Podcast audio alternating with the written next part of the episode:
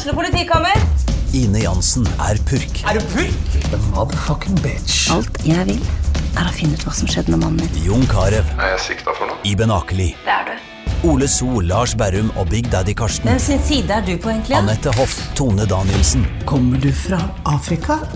Jørnis Josef, Nesten. Kløfta. Trond Espen Seim, Det er synd å si det, men det var feil mann som døde. Purk. Premiere tirsdag på TV2 Play.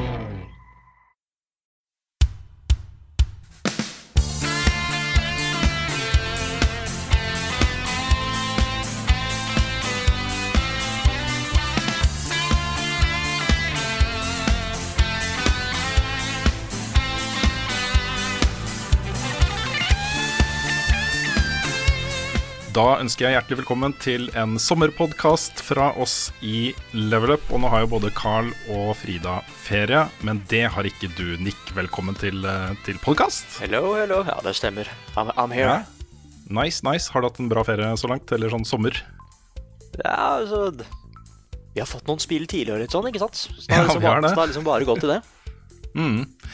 Men vi har også med oss en veldig spesiell gjest denne gangen her. Og det er ikke tilfeldig at uh, du er invitert denne uken, Jostein uh, Hagstad fra Radcrew. Hei, hei, hei.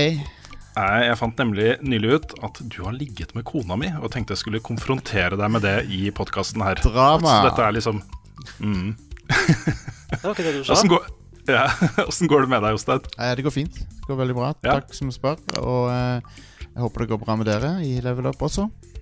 Mm. Ja, det går kjempefint. Ja. Jeg skal jo straks på besøk til byen din. Det skal du, vet du. Du, du pleier å ta Mm. ned nedom eh, på sommeren, gjør du ikke? Jo da, eh, kona mi, eh, altså min svigerfar, kommer jo fra Hundvåg. Nice. Fra Ulsnes på Hundvåg, og heter Ulsnes. Det er litt morsomt. Ulsnesvei. Bor i Ulsnesveien på Ulsnes på Hundvåg og heter Ulsnes. Så barndomshjemmet hans er, står jo fortsatt der, da. Ja. Og det er, det er litt morsomt, for det er jo et gammelt hus, ikke sant. Ja, Skikkelig ja. gammelt hus. Og rundt han så begynner det å komme sånne der fancy kjempevillaer, ikke sant. Men her ser sånn vanlig, sånn gammelt, eh, koselig ut. Hundvåg blir gentrifisert. Ja, den gjør det, altså. Nå har det kommet tunneler og motorveier og alt mulig rart der også, så det blir spennende å se hvordan det er. Ja. Men øh, vi, det er jo en spesiell grunn, da. Ikke, ikke at du har ligget med kona mi. Eh, det har du ikke. Nei. Eh, det hender at folk ikke skjønner øh, humor på det. Jeg har ikke jeg det. Bare, bare gjør det helt tydelig. Jeg har ikke gjort det. Ja, ja. Nei, men vi har jo alle tre da spilt det samme spillet, og det er jo et spill som ikke har kommet ut engang. Yeah. Så um, det skal vi snakke om, uh, snakke om straks. Uh, jeg gleder meg veldig. Jeg vet ingenting om hva dere syns, og dere vet ikke hva jeg syns, så det her blir kjempespennende. Mm. Men jeg bare tenkte å ta en ting før vi uh, går til den spalten, og det er jo at Death Stranding kommer jo på PC i dag. Tirsdag, Ja, når vi sitter her og gjør opptak. Konge. Har dere tenkt å ta en ny titt? Um, Nei. Jeg vet ikke. Jeg likte det kjempegodt, men jeg, tro, jeg tror ikke jeg orker mer av det. Det er ganske utmattende. Ja. Hvis man først, altså Jeg har jo fått platinum og hele pakka, liksom, så jeg har spilt en del timer, da. Eh, ganske utmattende, men jeg har kjøpt det, altså. Ja. Ja. Mm. Um, det, det er et genialt spill, men det er et tungt, tungt spill. Mm. Jeg vet ikke helt om jeg orker å lage sånne svære nettverk av ziplines og motorveier og sånt en gang til, altså. Nei. Og så følte jeg etter hvert så følte jeg liksom Kom an, bidra litt mer liksom til de andre. For jeg følte liksom I midten av spillet så, så hadde jeg veldig den der community-følelsen. Men så, Mm. så litt uti så følte jeg liksom De andre begynte å ikke dra lasset sitt lenger. Uh, I min, i min verden. Ja, men skal jeg fortelle noe morsomt? Jeg, eh, det- spillet har en sånn opplegg eh, Når du har bursdag, så får du en kake inni det rommet ditt. Oh, yeah. Sånn safe-rommet safe-rommet ditt. Så jeg logga på, på bursdagen min. Hadde bursdag nå i sommer, og da har jeg ikke spilt det siden, siden jeg spilte det. Uh, og Da sto det en kake, da. Men da var det jo masse likes da på alle de tingene jeg hadde lagd rundt det området der. ikke sant? Ah. Med zipline og alt mulig rart. Masse likes og ting som hadde skjedd mens jeg ikke hadde vært pålogga. ja, det er kult. Ja, så det er, jeg tror det er et slags delay, da. At du lager ting, og så går det kanskje litt tid, og så begynner det å dukke opp i verdenen til folk. Det er jo eh, Det er mye genialt med det spillet, eh, men, men eh, jeg tror ikke Kojima kunne for, liksom forutsi hvor relevant det skulle bli. Nei, det er sant. Han har jo også kommentert det ganske nylig. At hadde han, hadde han visst det, liksom, så hadde han kunne vært megarik og gjort andre ting Ja. å lage spill eller et eller annet sånt. Ja. Så nei, det ble, det ble superrelevant. Mm. Og den der sosiale distanseringa og ensomhetsfølelsen som mange har kjent på i disse månedene og sånt. ja. Mm. Greit. Uh, før det blir sånn skikkelig downer på hele episoden, så foreslår jeg at vi går vi videre til hva vi har spilt i det siste.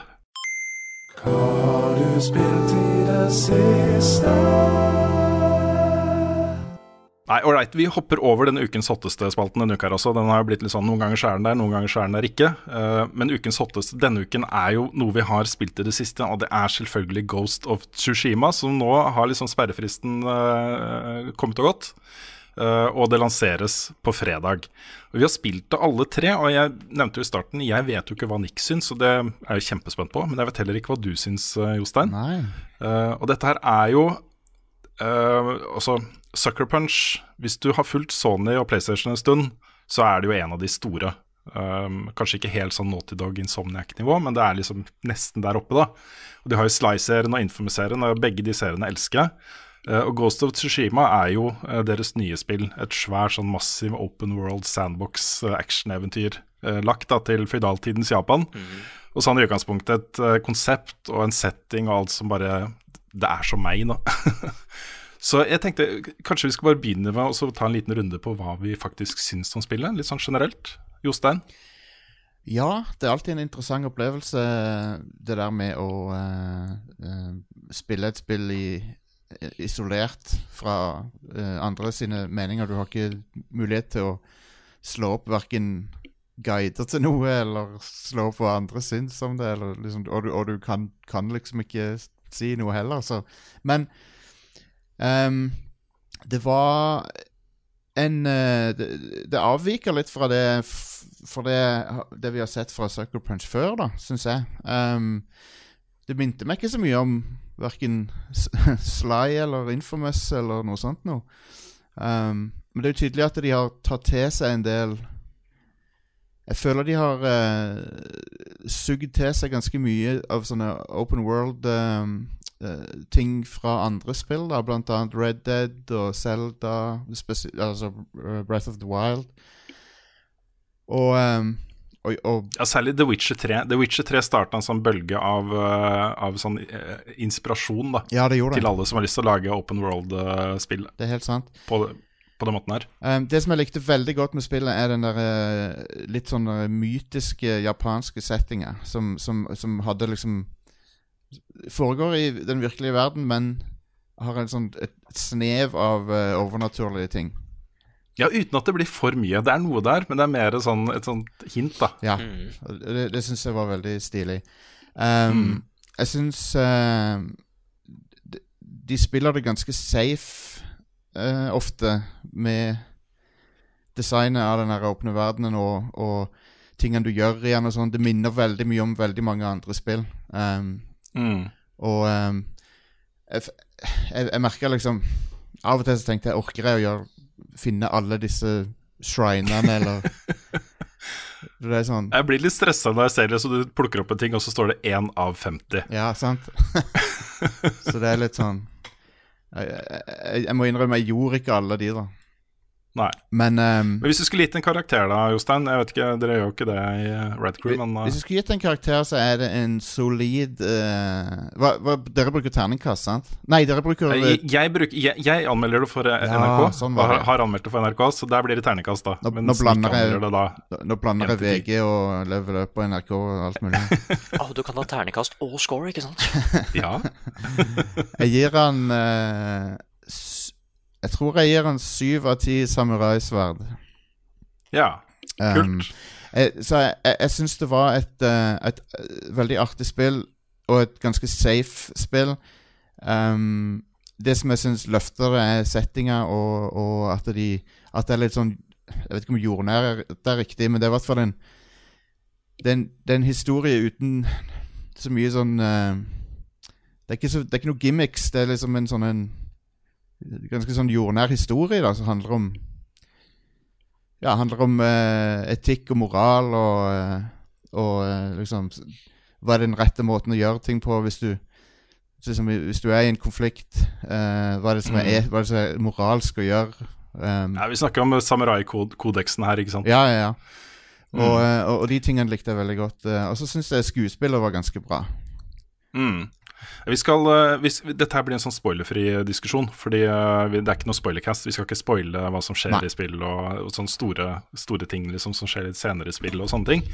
Uh, bare så det er nevnt. Men uh, Nick, jeg har jo, også, jeg har jo uh, lastet opp din anmeldelse til YouTube-kanalen vår, Ja. men jeg har ikke sett den ennå, så jeg aner jo ikke hva du syns om dette spillet. Hva syns du? Jeg skal eh, Ok, da. Jeg holdt på å si om jeg skulle si scoren først, men jeg digga det. Mm. Det var eh, Den der første tingen var at det, var utrolig pent. Ja. Og PlayStationen min, Sasha, lagde så mye lyd. At det er, for det er sånn uh, uh, Jeg forventa liksom litt nå at etter å ha spilt Final Fantasy og The Last of Us, at nå, nå har vi liksom nådd toppen, da. Av hva, Mm. I hvert fall når det kommer til grafikk, av hva den konsollen klarer. Men Sushima var liksom noe annet. Ass. Du ser alle bladene som er fra trærne, og vinden blåser, så kan du se dem liksom ja, forlate trærne og dra videre utover liksom, landskapet. Og det er liksom veldig, veldig mange detaljer der. Mm. Uh, men så ble jeg også litt sånn der satt ut at uh, det er, jo, det er jo krig her. Og alle Det er ingen som har det bra. Og Nei. derfor syns jeg det var, så, det var litt sånn rart å liksom dra, på så, dra til så fine steder og sånn, når det egentlig var så jævlig å være der, da. Men da ble jeg også det er litt den derre Du får se hva du beskytter, på en måte. Ja, for det var akkurat det det var. Mm. At det liksom eh, Fordi han eh, hovedpersonen Jin, han er jo han, han må jo gjøre hva som helst ikke sant, for å beskytte Sushima. Og da fikk jeg litt den der òg, at eh, jeg skjønner at han har lyst til å beskytte det stedet her, for dette er pent. Uh, Mm.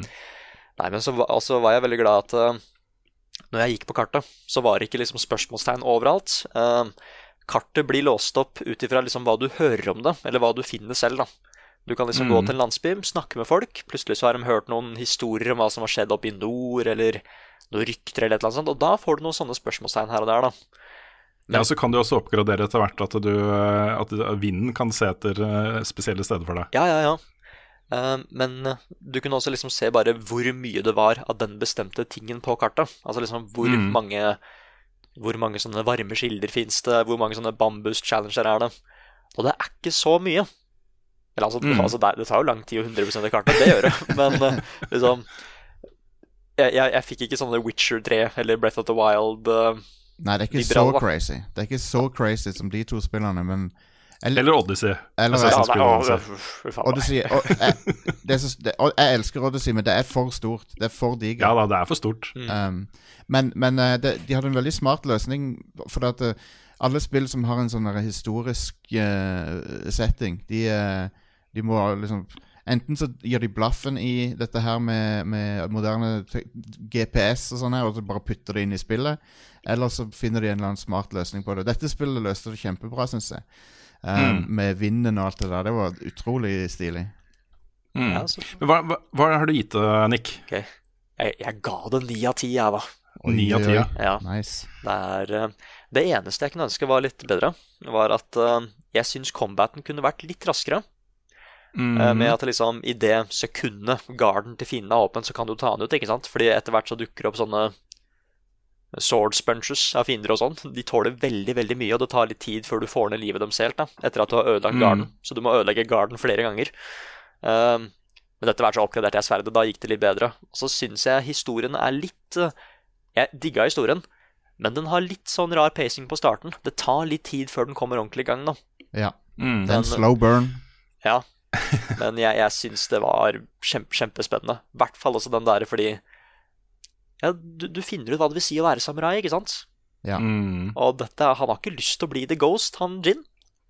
Nei, han har ikke det. Nei, men det er liksom Jeg, jeg blir litt sånn derre En ting jeg ikke helt liker i sånne spill av og til, er at hvis det er en person som ikke har drept noe, så er det alltid bare 'Jeg kan ikke tro at jeg gjorde det etter å ha drept den første', men så er det helt greit etterpå, ikke sant? Men, men uh, Murder everyone! Men uh, flere ganger så driver han og snakker til seg selv bare 'ah, dette her liker jeg ikke å gjøre, altså. Men åh, jeg er nødt til å gjøre det. Og sånn er det gjennom hele spillet, da. Ja, han er en, Ja. Han er en, han er en rollefigur med en tung, uh, tung byrde på skuldrene sine. Mm. Batman. Så det, så det, ja, for han er jo på en måte samurai-Batman. Det er jo det du er i det spillet der. Ja. Ja, ja, ja. Um, men eh, det var Jeg, jeg, jeg syns det var Så hvis det var én ting jeg kanskje savna, men da, det hadde krevd å redesigne en del av spillet, tror jeg. Og det er det at um, siden, de, siden, de, siden tematikken i spillet er så veldig satt opp mot det der um, Enten så følger du den strenge samurai-kodeksen, eller så er du en uh, æresløs hund, liksom. Hvis de hadde bygd det inn i, inn i spillet litt mer at Jeg har hatt en sånn der eh, ond, eh, god akse, liksom. Sånn Ja. som i Mass Effect og sånn. no, noe, noe sånt, kanskje. For Ja. da hadde, da hadde spill uh, Da hadde spillsystemene matcha tematikken i historien. Mm. De har sikkert vurdert det. Jeg tipper de har vurdert det. Ja, for det er en ganske sentral tematikk her, liksom. Ja. Jeg har jo um, et veldig Altså, jeg har et nært forhold til Japan. Sånn i utgangspunktet. Jeg har vært mye i Japan. Jeg har uh, reist i 40 varmegrader til sånne eh, borger fra føydaltiden, som er selvfølgelig litt gjenoppbygd. De har jo blitt brent og bomba og alt mulig rart, liksom, opptil flere ganger. Men det er så utrolig godt ivaretatt, da. Og den kulturarven er jo like viktig for Japan, viktigere kanskje, enn en i Norge, med sånn rosemaling og stavkirker. Og, så det er veldig knytta til kulturen til Japan i dag. Så du kan dra til Kyoto og besøke templer som ser ut akkurat sånn som de gjorde eh, på 1200-tallet, 1300-tallet, ikke sant. Eh, og det er noe med den estetikken. da. Altså Jeg merker det så godt når jeg spiller eh, Animal Crossing, New Horizons. Så er det jo alle de der japanske tingene. Også sånne gamle leirovner og sånne sitteplasser og sånt som er japanske. da, Skyvedørvegger og sånne ting. Konge. Det er det jeg går for. ikke sant? Jeg syns det er så pent. da. Og det får, Her får du jo et spill som bare Og så hadde dette her vært lagt i Norge da, og tatt for seg norsk kultur, så hadde det vært stavkirker og sånn derre eh, torvtak overalt, ikke sant? Bare stab, stabbur og stavkirker, og det er det Ja, ja, ja. eneste du ser. Og det er, jeg syns det er utrolig flott, da. Også alle disse steinlampene og, og alt. Og så eh, eh, sakura-blomstring. Alt det der. Jeg syns det er utrolig flott og vakkert. Og dette er jo ikke første gangen som man ser på en måte den type estetikk i spill. Man har sett det ganske mye. Men det er ikke så Jeg, jeg kan ikke huske å ha spilt noe sånn åpen verdensspill hvor du kan utforske det på den måten du gjør her, da. Jeg, fikk, eh, jeg, ble, jeg ble minnet på Okami av og til. Ja, det er elementer der. Fordi det, når vi snakker om de der, ikke, ikke overnaturlige, men sånn semi-overnaturlige elementene, så er vi innom eh, shintoismen og naturreligion og uh, den type ting. da. Det er jo veldig sentralt i Okami. Uh, men det som er litt tingen er at den estetikken har vi jo sett i mange spill fra moderne tid. Altså eh, disse templene og alt mulig rart i spill som er lagt i nåtiden. da. Det er mange som setter pris på den, altså. Jeg tror det er et sånn salgsargument for dette spillet også. At Ja. Her får du muligheten til å dykke ned i japansk kultur for alvor. da. Dette er jo en ekte også, Sushima er jo en øygruppe uh, som ligger da mellom fastlandet til Japan og koreanske halvøya.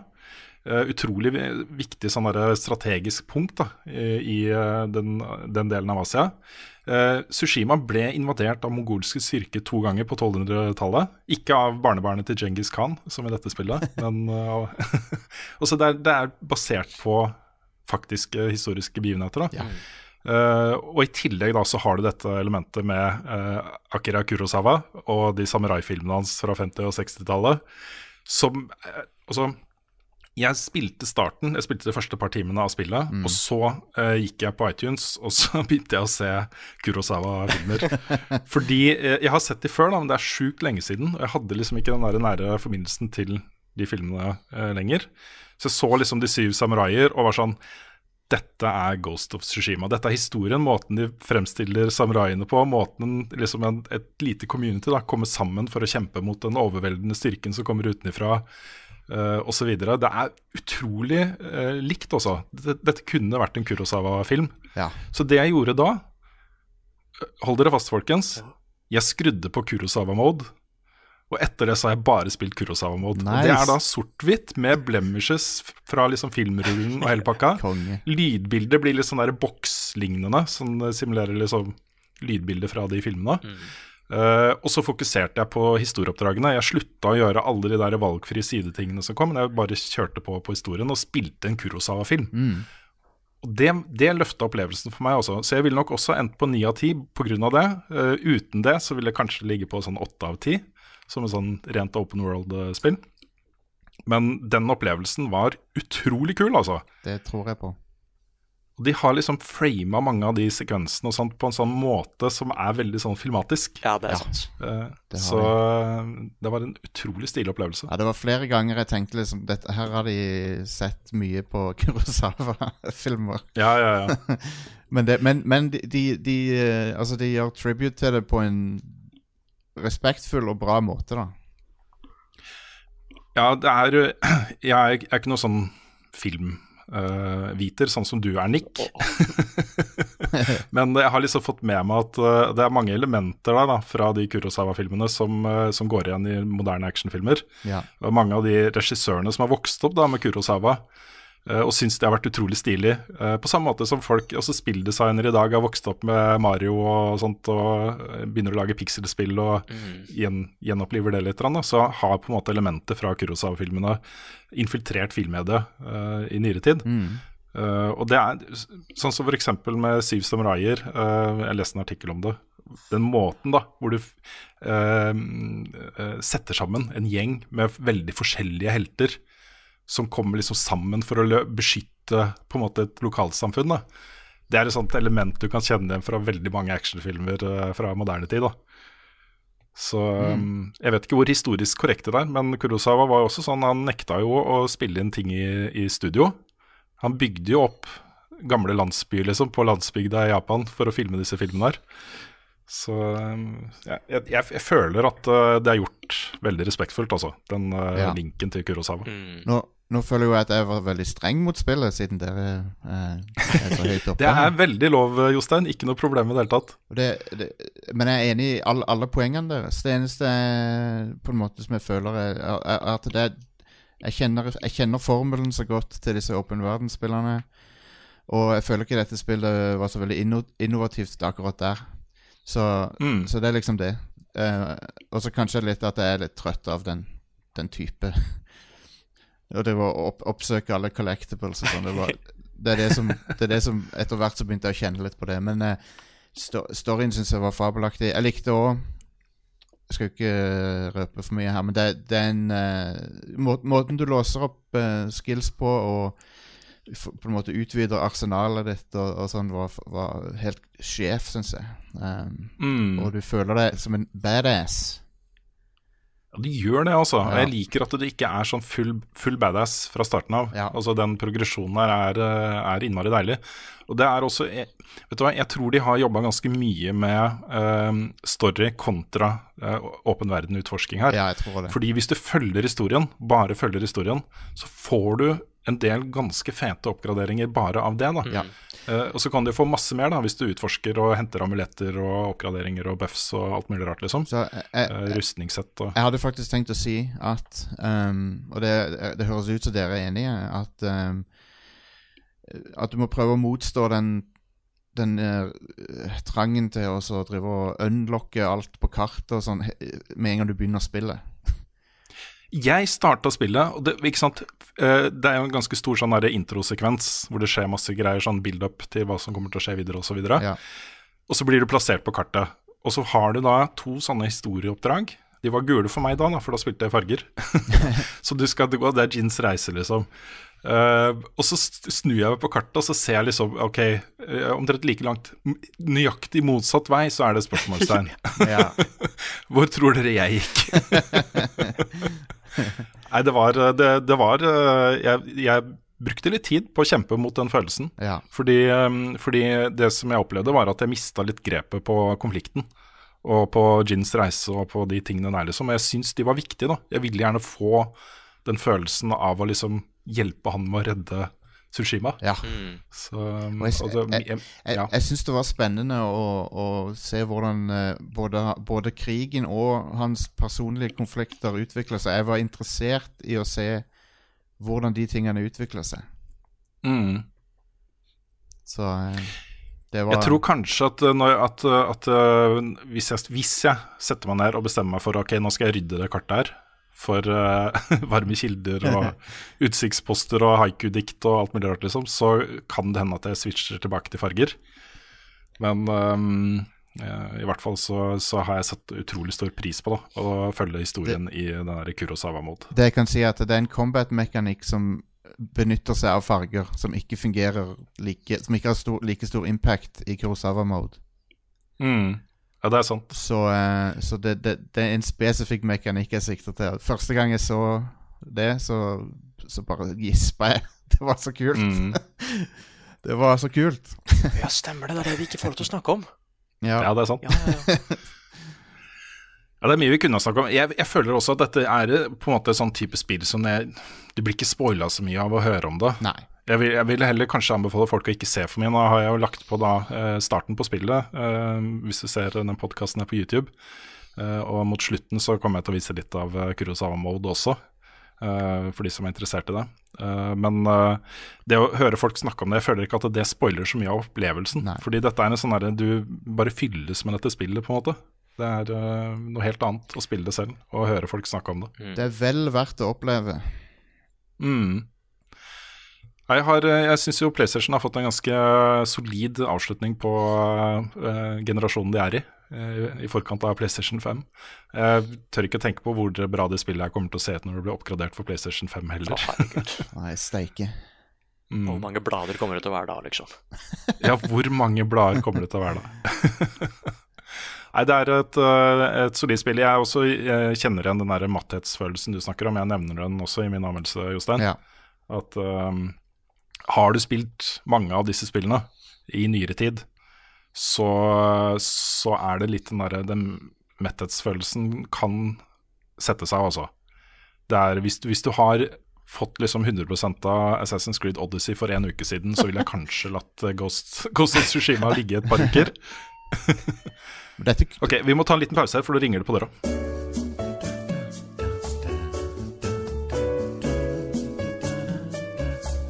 Det var eh, Ghost of Tsushima. Jeg, jeg føler liksom jeg, jeg kunne ha snakka lenge om det. Det var deilig å snakke om det spillet med noen. Ja, det var er det. liksom, Sånn som du nevnte helt i starten, eh, Jostein. Det er liksom det å sitte inne med en sånn type opplevelse, ikke kunne dele den med noen, ikke snakke med noen om det og sånt. Det er litt spesielt, altså. Ja, det er det. Jeg hadde, jeg hadde samme liksom, trangen til å snakke om noe når jeg spilte eh, Horizon Zero Dawn. Ja. For det syns jeg var Ja, en jeg skjønner. enorm opplevelse. Mm. Ja, det også kommer jo på PC snart. Det gjør det. Eh, Forhåndskjøpt. Mm. Men har vi spilt eh, andre ting? Er det noen som har lyst til å si noe om det? Jostein, kanskje? Ja, vet du hva? Jeg, fikk plutselig for meg at jeg skulle spille Dishonored 2. Um, oh. Så det, det har jeg nå spilt gjennom. Eh, for det hadde jeg ikke runda før. Da er du i godt uh, selskap med to uh, Dishonored uh, supernerds. Ja, konge. sant.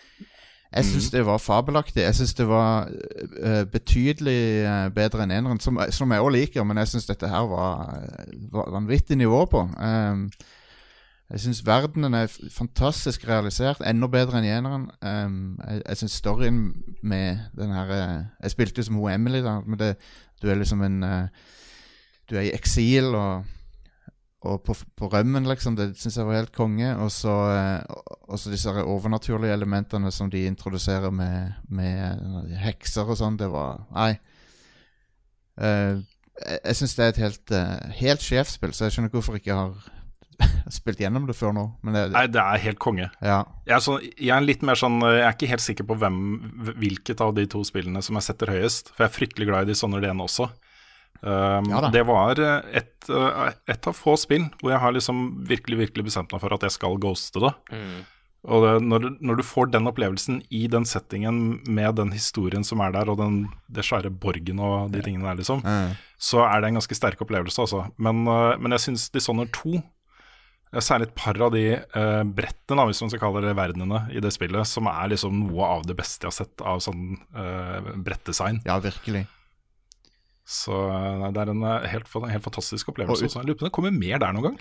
jeg, jeg vil ha mer fra den verdenen. For at det, det er jo, eh, de har jo brukt så mye ressurser tydeligvis på å skape en verden som føles original og har ikke, ikke lener seg på troper fra andre ting. Mm. Um, det, det føles så friskt, liksom. Det, det er et, et friskt pust, syns jeg. Det er sant. Mm. Og eh, det, er, alt er så gjennomtenkt òg, liksom, at de har denne her med, med eh, metaforen for uh, vår olje, da, med den der hvalolja. Og overfiske av hval og sånne ting. Det er veldig, uh, veldig stilig univers. Ja, jeg så på Twitter du kalte det Omega-3-punk. ja. Tran, tranpunk eller omega-3-punk. Ja. Ja. Ja, ja, ja. Jeg var litt stolt av den, egentlig. ja, den var bra. Vi kommer litt tilbake til, eh, til eh, hvor det, akkurat det kommer fra også, Jostein, etterpå. sånn, eh, den vitsinga. Ja. Men jeg er også fryktelig glad i Dishonored-spillene også. Og jeg, faktisk, jeg nettopp, ikke nettopp da, men et par måneder siden, så spilte jeg Dishonored 1 igjen. Nice. så er det kult at du Og Dishonored 2, faktisk. Jeg begynte på Dishonored 2 også. Konge. Så, så fikk jeg sånn der, trang til å vende tilbake til den verden der. Mm. Det er eh, stilig.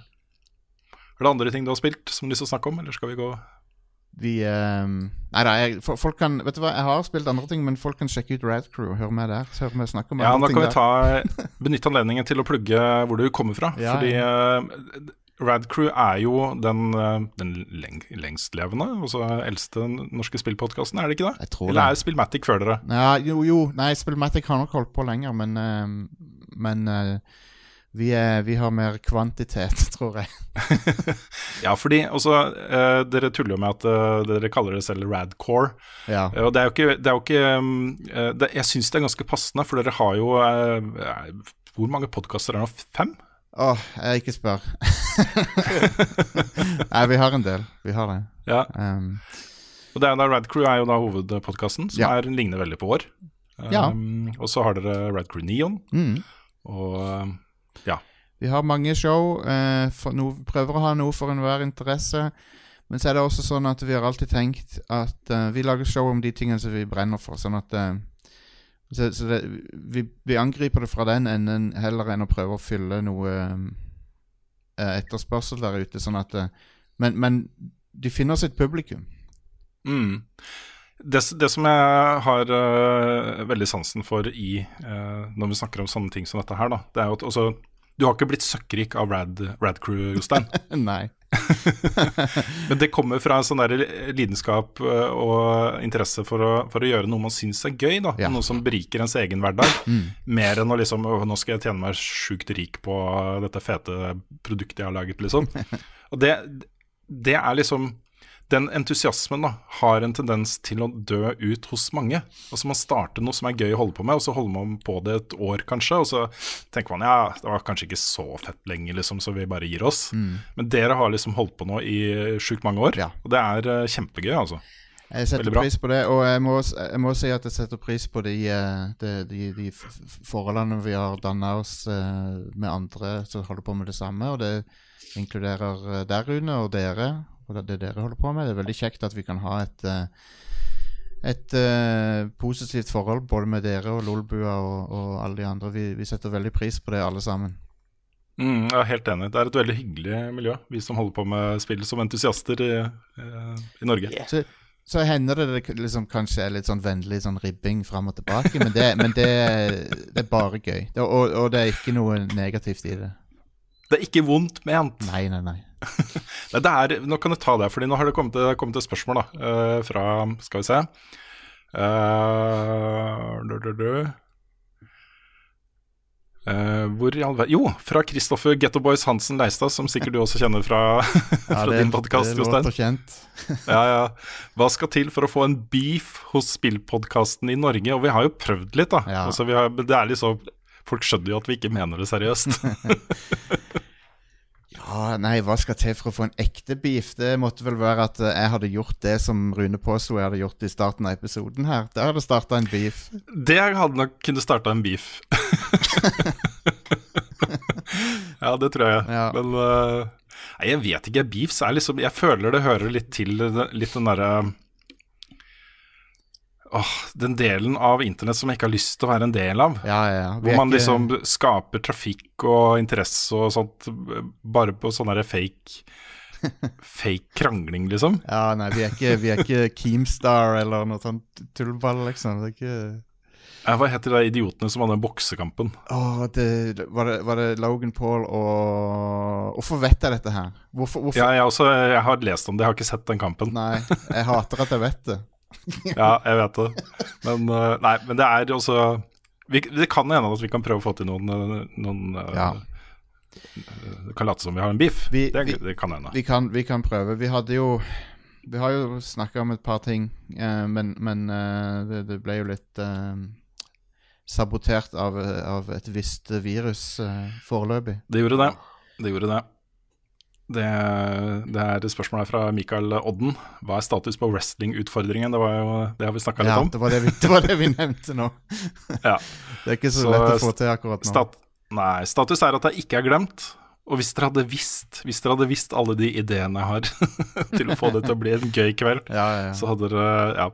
Så hvis dere, hvis dere noen gang, folkens, blir uh, får muligheten til å komme på et event som handler om wrestling og involverer Level Up og Radcrew, så anbefaler jeg dere å komme. Men uh, vaksiner dere først. Vaksiner dere først, ja. Det er sant. Men uh, Nick, har du spilt noe annet gøy i det siste? Ja, fordi når jeg ikke har, når jeg ikke har travla rundt i Sushima og sånn, og, og vært Batman, så har jeg spilt um, Skal vi se her, det var litt langt navn. Jeg har spilt uh, Clubhouse Games 51 Worldwide Classics til Nintendo Switch. What? Ja, Har du, Nice, hørt, har du hørt om det? Ja, ja. Nei. Jeg har hørt om det. Nei, de, de har lagd uh, Det er sånn tabletop-spill hvor de har 51 klassiske brettspill og ting og tang, da. Og sånn type kinasjakk og sånne ting? Ja, kinasjakk og liksom poker og krig er der. Yatzy. Uh, Nice. det det er jo så klart noen trademarks her, så de må jo kalle det for noe annet. Men det er yatzy, Uh, ludo, sjakk og sånne ting. Så jeg har egentlig bare kost meg med det. Dart er der òg. Ja, Vet du hva, her skal jeg laste ned før jeg drar til Stavanger og møter kidsa igjen. det er en god idé. For det var Eh, ordentlig, ordentlig kjekt. Men navnet på det, på det spillet Det får meg umiddelbart til å tenke på det der Action 52 på Nes. Som var en sånn der, sånn der uoffisiell compilation av drittspill. um, inkludert den berømte Cheetah Man. Um, eller okay. ok. berykta. Men, eh, men, men denne, denne samlinga virker ganske kul. Da. Så den, den jeg, jeg, har litt, jeg har ment å faktisk plukke den opp på Switch. Den der, for at eh, det er kjekt å ha tilgang på alle de spillene digitalt. Mm. Mm. Og så er det jo eh, lange dager med barne, småbarnsfamilier og sånne ting. Og hvis man er liksom samla på steder hvor eh, kanskje det regner eller noe sånt, så uh, istedenfor at eh, de bare setter seg ned med hver sin mobiltelefon og graver seg ned i TikTok eller YouTube eller whatever, whatever, kanskje man kan gjøre noe sammen? Nei, så jeg har prøvd mange av de der japanske Eller bare brettspill fra Asia og sånn, da. Mm. Shogi er der, og en sånn annen som heter Renegade. Um, altså, så det er vel ah, det, det hadde vært Det er et så bra streamingspill det her, altså. Har de mahjong? Det har de vel. Jeg tror det. De må ha det. Alle, ah, den, den, jeg tror det er japansk eh, grunnlov at alle spillkonsoller må ha en versjon av mahjong. Ja, det er litt gøy, fordi de har sånn derre Når du liksom går på spillene, så kan du finne ut av hvordan de funker og sånn, ikke sant? Hva de dreier seg om, og det gjør de i traileren òg. De går gjennom alle spillene. Men jeg liker liksom at det bare Ja, poker handler om å ha den beste hånda. Ja, ok, greit. Ludo handler om å liksom gå rundt brettet. Ja, ok, men så kommer de til backhammen. Backhammen er også kult. Og så går vi til noe annet. Det Ikke Jeg har aldri klart å lære meg reglene i de, de, de vil ikke engang forklare eh, åssen det funker. Har de Otello? Ja, fordi det er uh, Renegade. Bare at de får ikke lov til, å- de får ikke lov til å bruke det samme navnet. Og det Ah, er gøy, altså. Trademarker. Ja, det er kult spill. Mhm. Om hurra flest. Rart at det kan, er, kan være trademarka. Er ikke det sjukt gammelt? Jeg trodde det, men Nei, men Um, Uno det er der et- også. Men det heter noe annet.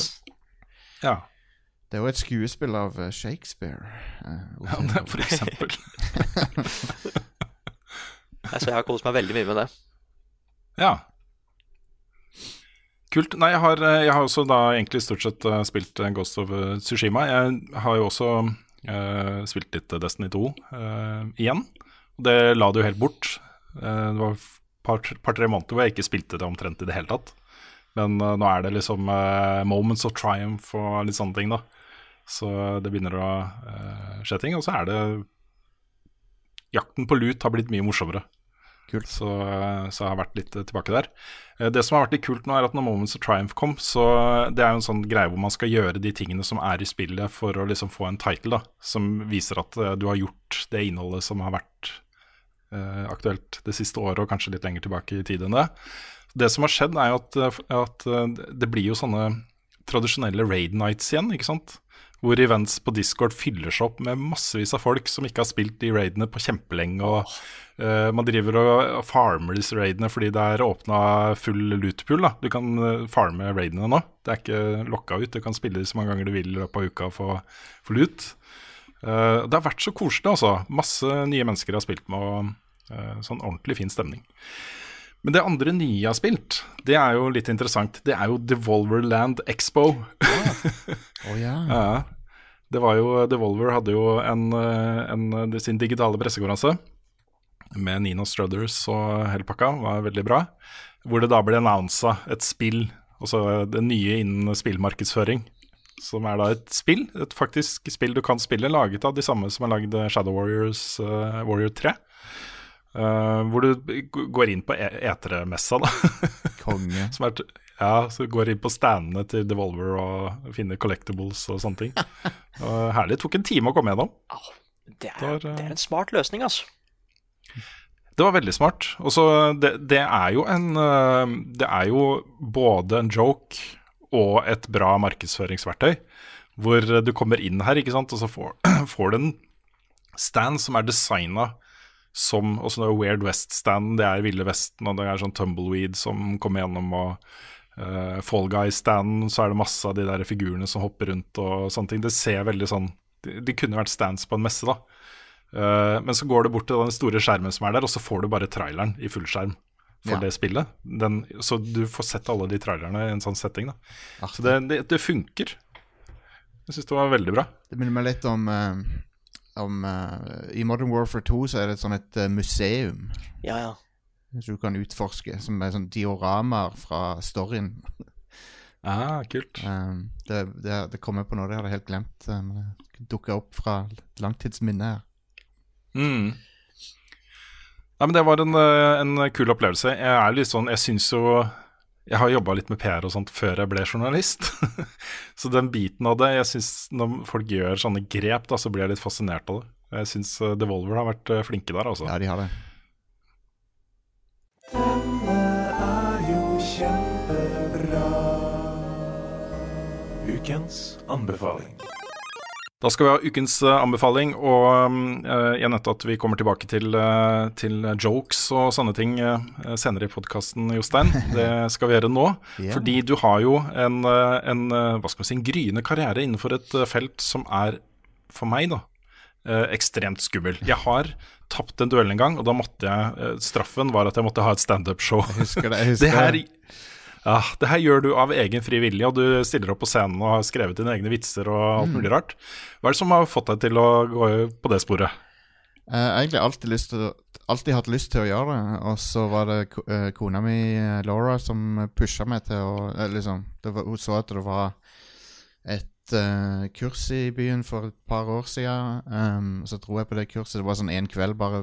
Men, men det, førte mest til det at jeg liksom ble kjent med de i miljøet i Stavanger. da Mm. Uh, og så har jeg bare Så begynte jeg med det, og så har jeg fortsatt med det. Selvfølgelig litt mindre grad de siste månedene, men uh, faktisk nesten ikke i det hele tatt. Vi hadde en livestream Eller jeg har, jeg har hatt noen personlige livestreamer med vitser, og så har jeg også vært med på en livestream av standup uh, etter uh, en gang i april, var det vel.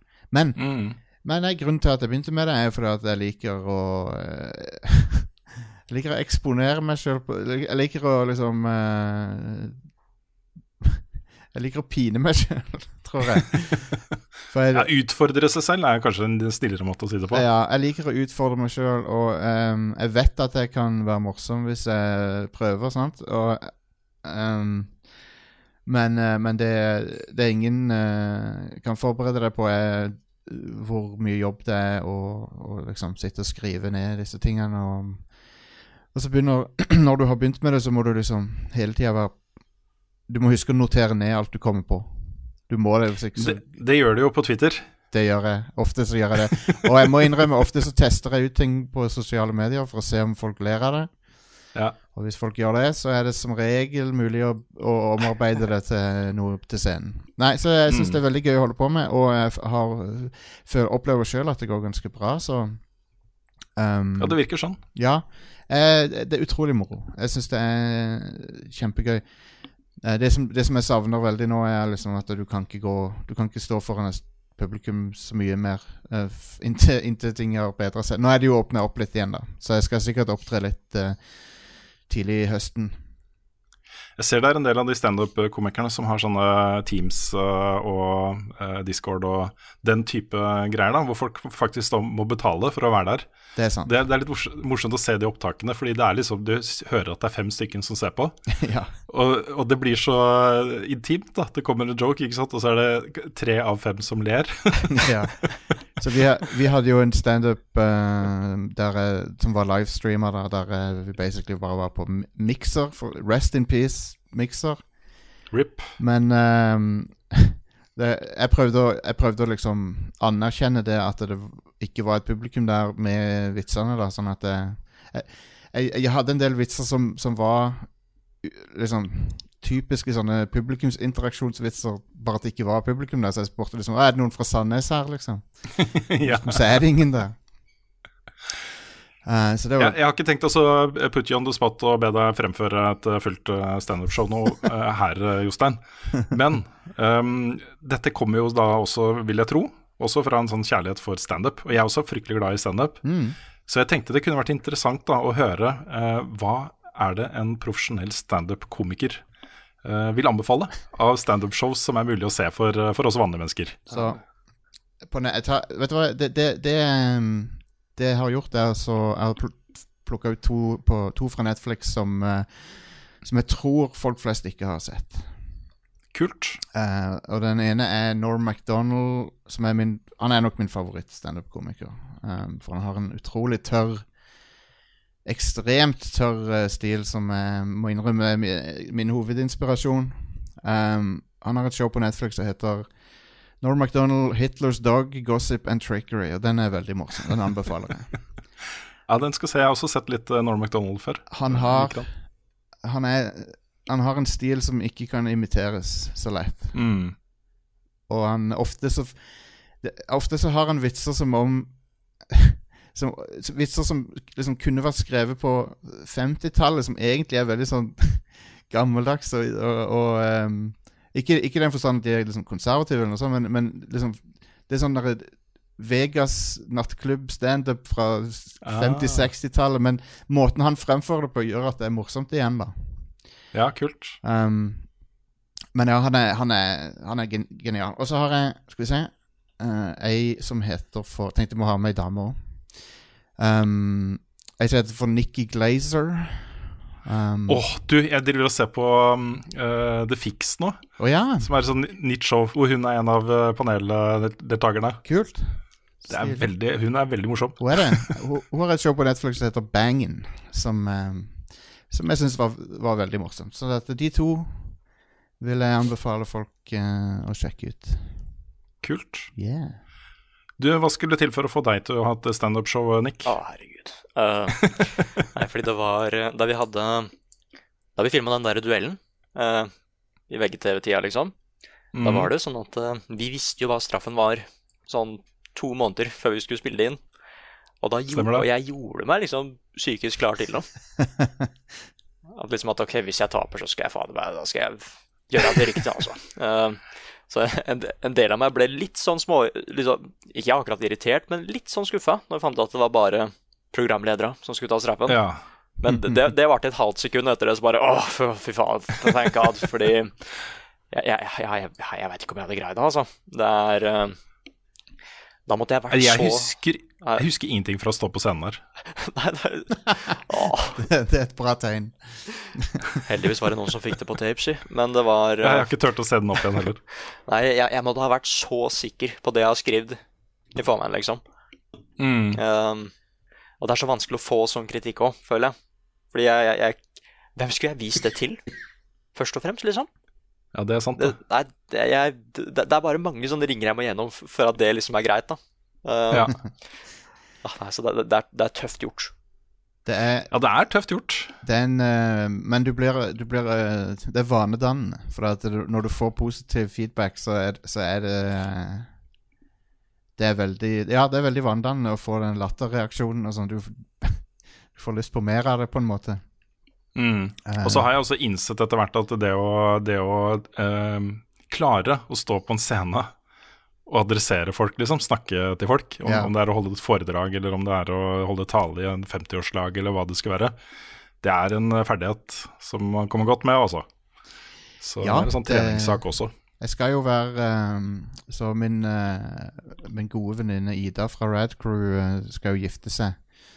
Ah, Og eh, da skal jeg være sånn Sånn Toastmaster? Ja, toastmaster på, i bryllupet hennes, da. Så det gleder jeg meg ja, veldig til. Ja, det ble moro. Mm. Her kommer nyheter med Rune Fjell-Olsen, og han har ikke hår. Ja, Når det gjelder nyheter, da, så har jo denne uka her hatt eh, ja, Hva skal man kalle det? En litt sånn derre tonedøv etere-pressekonferanse. Hvor uh, her sitter liksom Ubisoft da midt i et ras av metoo-saker. Uh, folk får sparken, folk slutter av egen vilje, folk blir suspendert under påvente av etterforskning osv. Det er mye, da. Masse. Ja. Det gjelder, eh, det gjelder uh, angivelig da, flere titalls eh, personer i systemet, og mange av de høyt, høyt, høyt, høyt oppe. Eh, Ashraf Ismail, som er regissør for Assassin's Creed, eh, har jo slutta. Eller i hvert fall eh, midlertidig, jeg vet ikke om det er for godt. Vice President Tommy Francois har blitt, fått masse saker mot seg. Splinter Cell og Far Cry Creative Director Maxime Bellat. Damn. fått mange anklagelser. Og Serge Hasque, som er Chief Creative Officer i hele fuckings Ubisoft, blir jo outa som en av de største mannsgrisene jeg har hørt om. Så det er mange saker, da. Og eh, en sånn kultur som, eh, som Ubisoft uh, sier de skal ta tak i nå, og de jobber med det. Og uh, de har kommet med en uttalelse hvor de sier at nå skal vi ta tak i dette her og fikse det. Men så har de da en pressekonferanse hvor de skal vise dem Men her er alle de kule spillene vi jobber med. har, dere lyst har dere lyst på disse smykkene her? Liksom, sånn. det er litt sånn tonedøvt. Ding, dingler det foran gamerne, sånn at de skal bli distrahert. Ja. Samtidig der, vi hadde jo, vi livestreama jo den pressekonferansen på søndag. Um, og uh, det er jo sånn at det jobber veldig mange andre mennesker i Ubisoft. Og er, disse spillene de lager er jo ikke uh, defineres jo ikke av uh, disse folkene her. Eh, det er jo eh, hundrevis, tusenvis av mennesker på gulvet av anførselstegn som jobber med disse spillene. Som de er, eh, disse spillene er viktige for dem, og de legger hele sin sjel i det de lager og sånne ting. Og man kan liksom ikke dømme på en måte hele selskapet og spillene de lager basert på disse tingene her. Snarere tvert imot kanskje det at vi snakker om de tingene som da har skjedd i dette selskapet, og hvordan de håndterer det, er med på å forbedre situasjonen. At, at ikke det blir bare skjøvet under teppet. Så jeg tenker da som, som et utgangspunkt så er det lov å glede seg til Assassin's Creed Valhalla, selv om den, det spillet da har fått en ny regissør. så ja, hva tenker dere om det?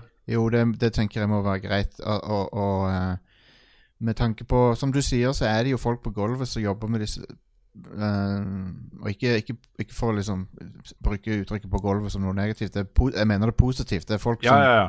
Folk som uh, jobber hardt med disse spillene, og som fortjener å, å se å få suksess med det. Og, uh, så, så det å glede seg til gode spill som kommer ut, det syns jeg må være mer enn innafor. Og det går, å, det går an å ha flere eh, tanker i hodet samtidig.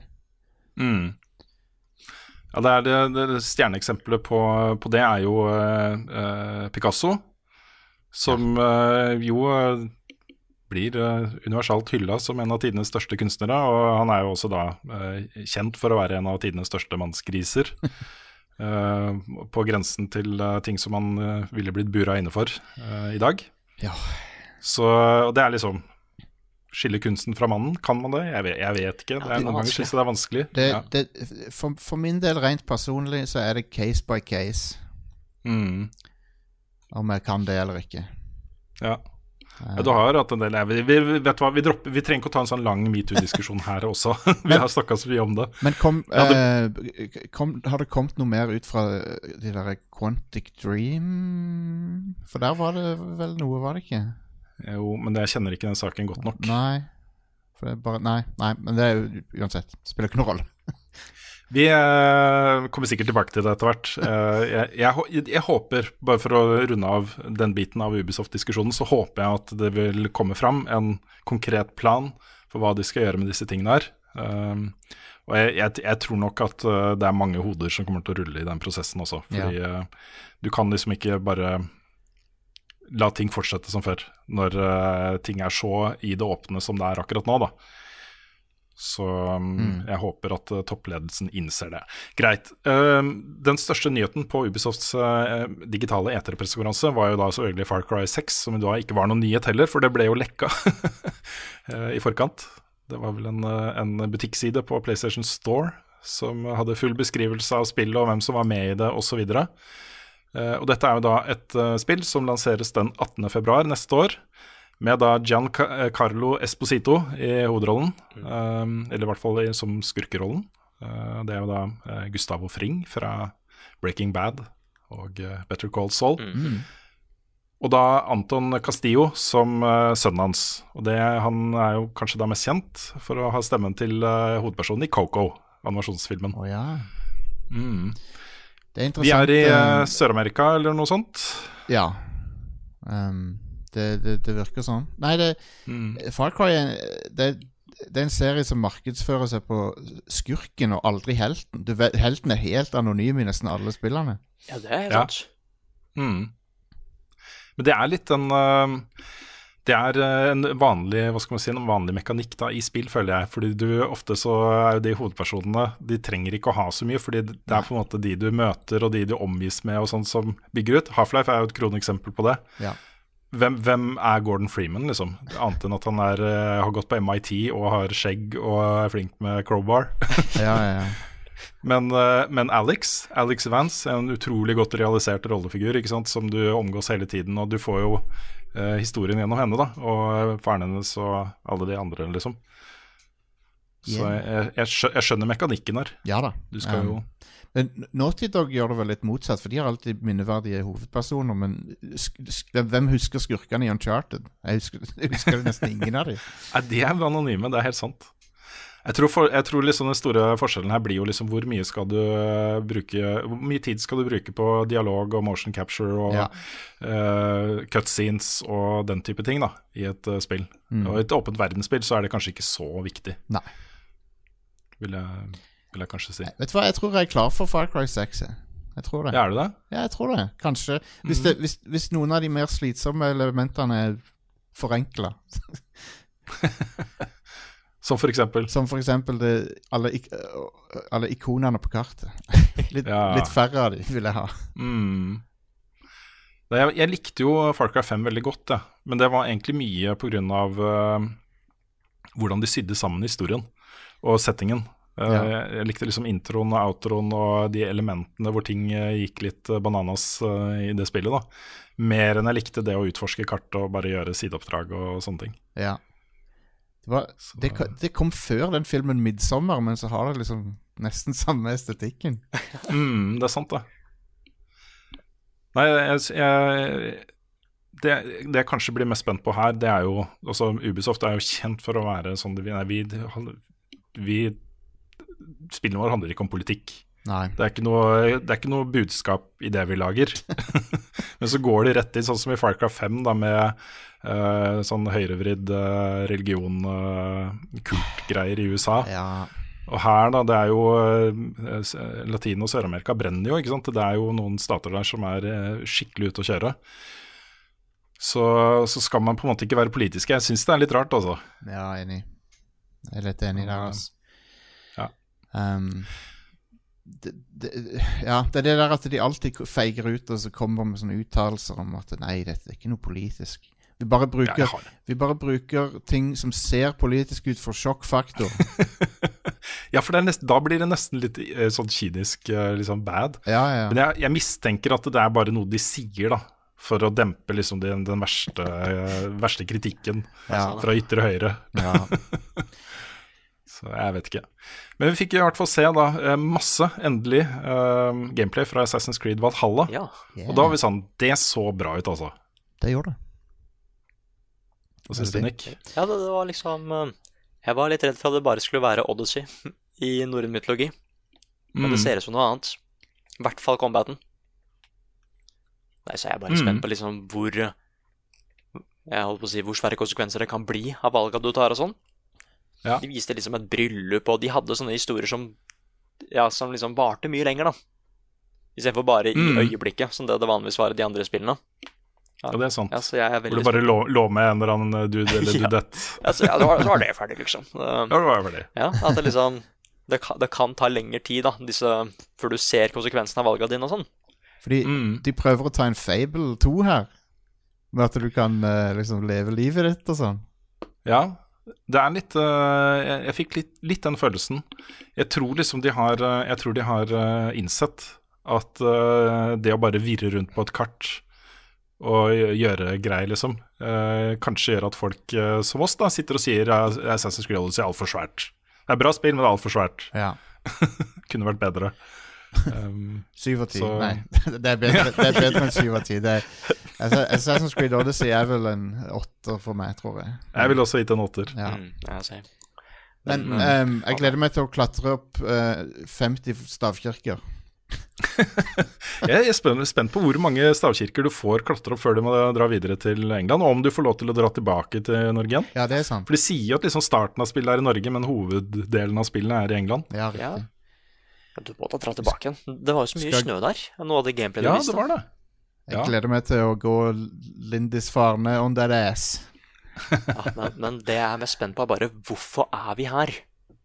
For det, er, Mm, det er alltid liksom den jeg får i eh, Når vi skulle til Egypt, da, det ga liksom mening, for vi skulle se starten av The Creed, ikke sant? Men hvorfor skulle Ja. vi til Mm. antikkens Hellas?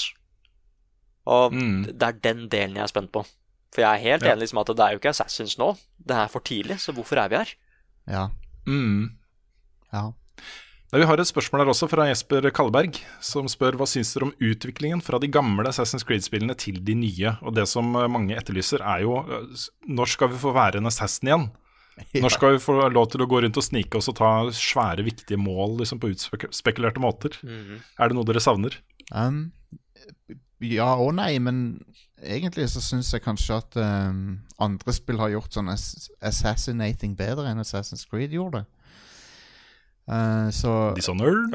Ja, for eksempel Dishonored, ja. Um, så jeg jeg tror de endringene som er gjort, det er både for å modernisere det, og så er det å, å ta til seg ting som andre har funnet på, og liksom inkorporere det i, i Assassin's Creed. Det er jo tydelig de har blitt inspirert av andre åpne spill. Mm. Og så jeg kanskje, ti, kanskje teamene i Ubisoft var lei av å lage samme spill om og om igjen. Mm. Um, men uh, jeg mener endringen de har gjort, har vært stort sett smarte, for det men, men hvem vet? Om fem år så har vi kanskje et sånn tilbake til røttene Assassin's Creed-spill. Garantert boots on the ground Call of Duty, ikke sant? Ja, ja, ja. Akkurat sånn som det. Nettopp. Ja, det kommer. Jeg lover, jeg lover det at Ja, det ja. kommer. 100 Kanskje til og med som DLC til eh, Valhalla. Nå skal vi Det jeg er mest spent på, er Hva sa du, Øystein? nå, ja, nå skal vi få boots on the ground Assassin's Creed.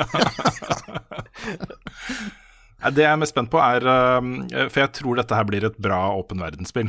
Eh, Det ser gøy ut å spille det, det ser vakkert ut, og jeg gleder meg til å utforske de forskjellige miljøene og sånne ting.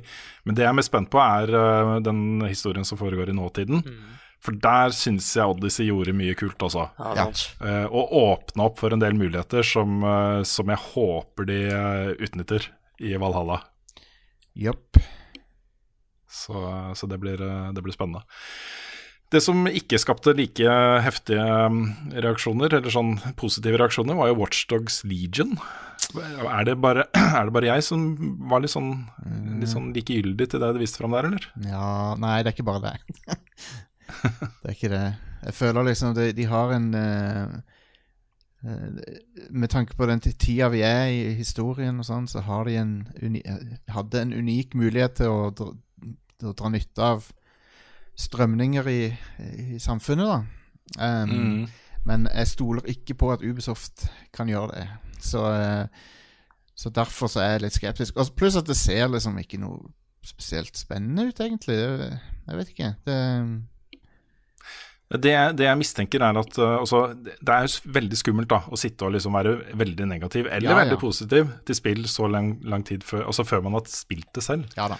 Men, men, jeg, men når de sliter da med å uh, skape en connection mellom det de viser fram og de som ser det, uh, når de har muligheten til å regissere, de har full kontroll da, over hva de viser fram, Ja. og de allikevel ikke klarer det, så blir jeg litt sånn uh, skeptisk, altså. Enig. Og jeg har kanskje altså Min mistanke da er at uh, her har de Dette snakka jeg litt om på streamen vår også. Men her har de eh, det konseptet da med at du skal kunne rekruttere og spille som alle du møter i London. eh, som designprinsipp eh, vist seg å kanskje ikke være like morsomt å spille som de hadde trodd på forhånd, men så er de fanga. De har jobba med det i to år, ikke sant, og ikke kanskje helt fått til å få det til å sitte, men så må de jo bare få det spillet ut til slutt. Det er det jeg frykter da med Ja. dette spillet her. Er at du, du kanskje eh, for, te, for tenk hva det må eh, gjøre da med eh, spilldesignet.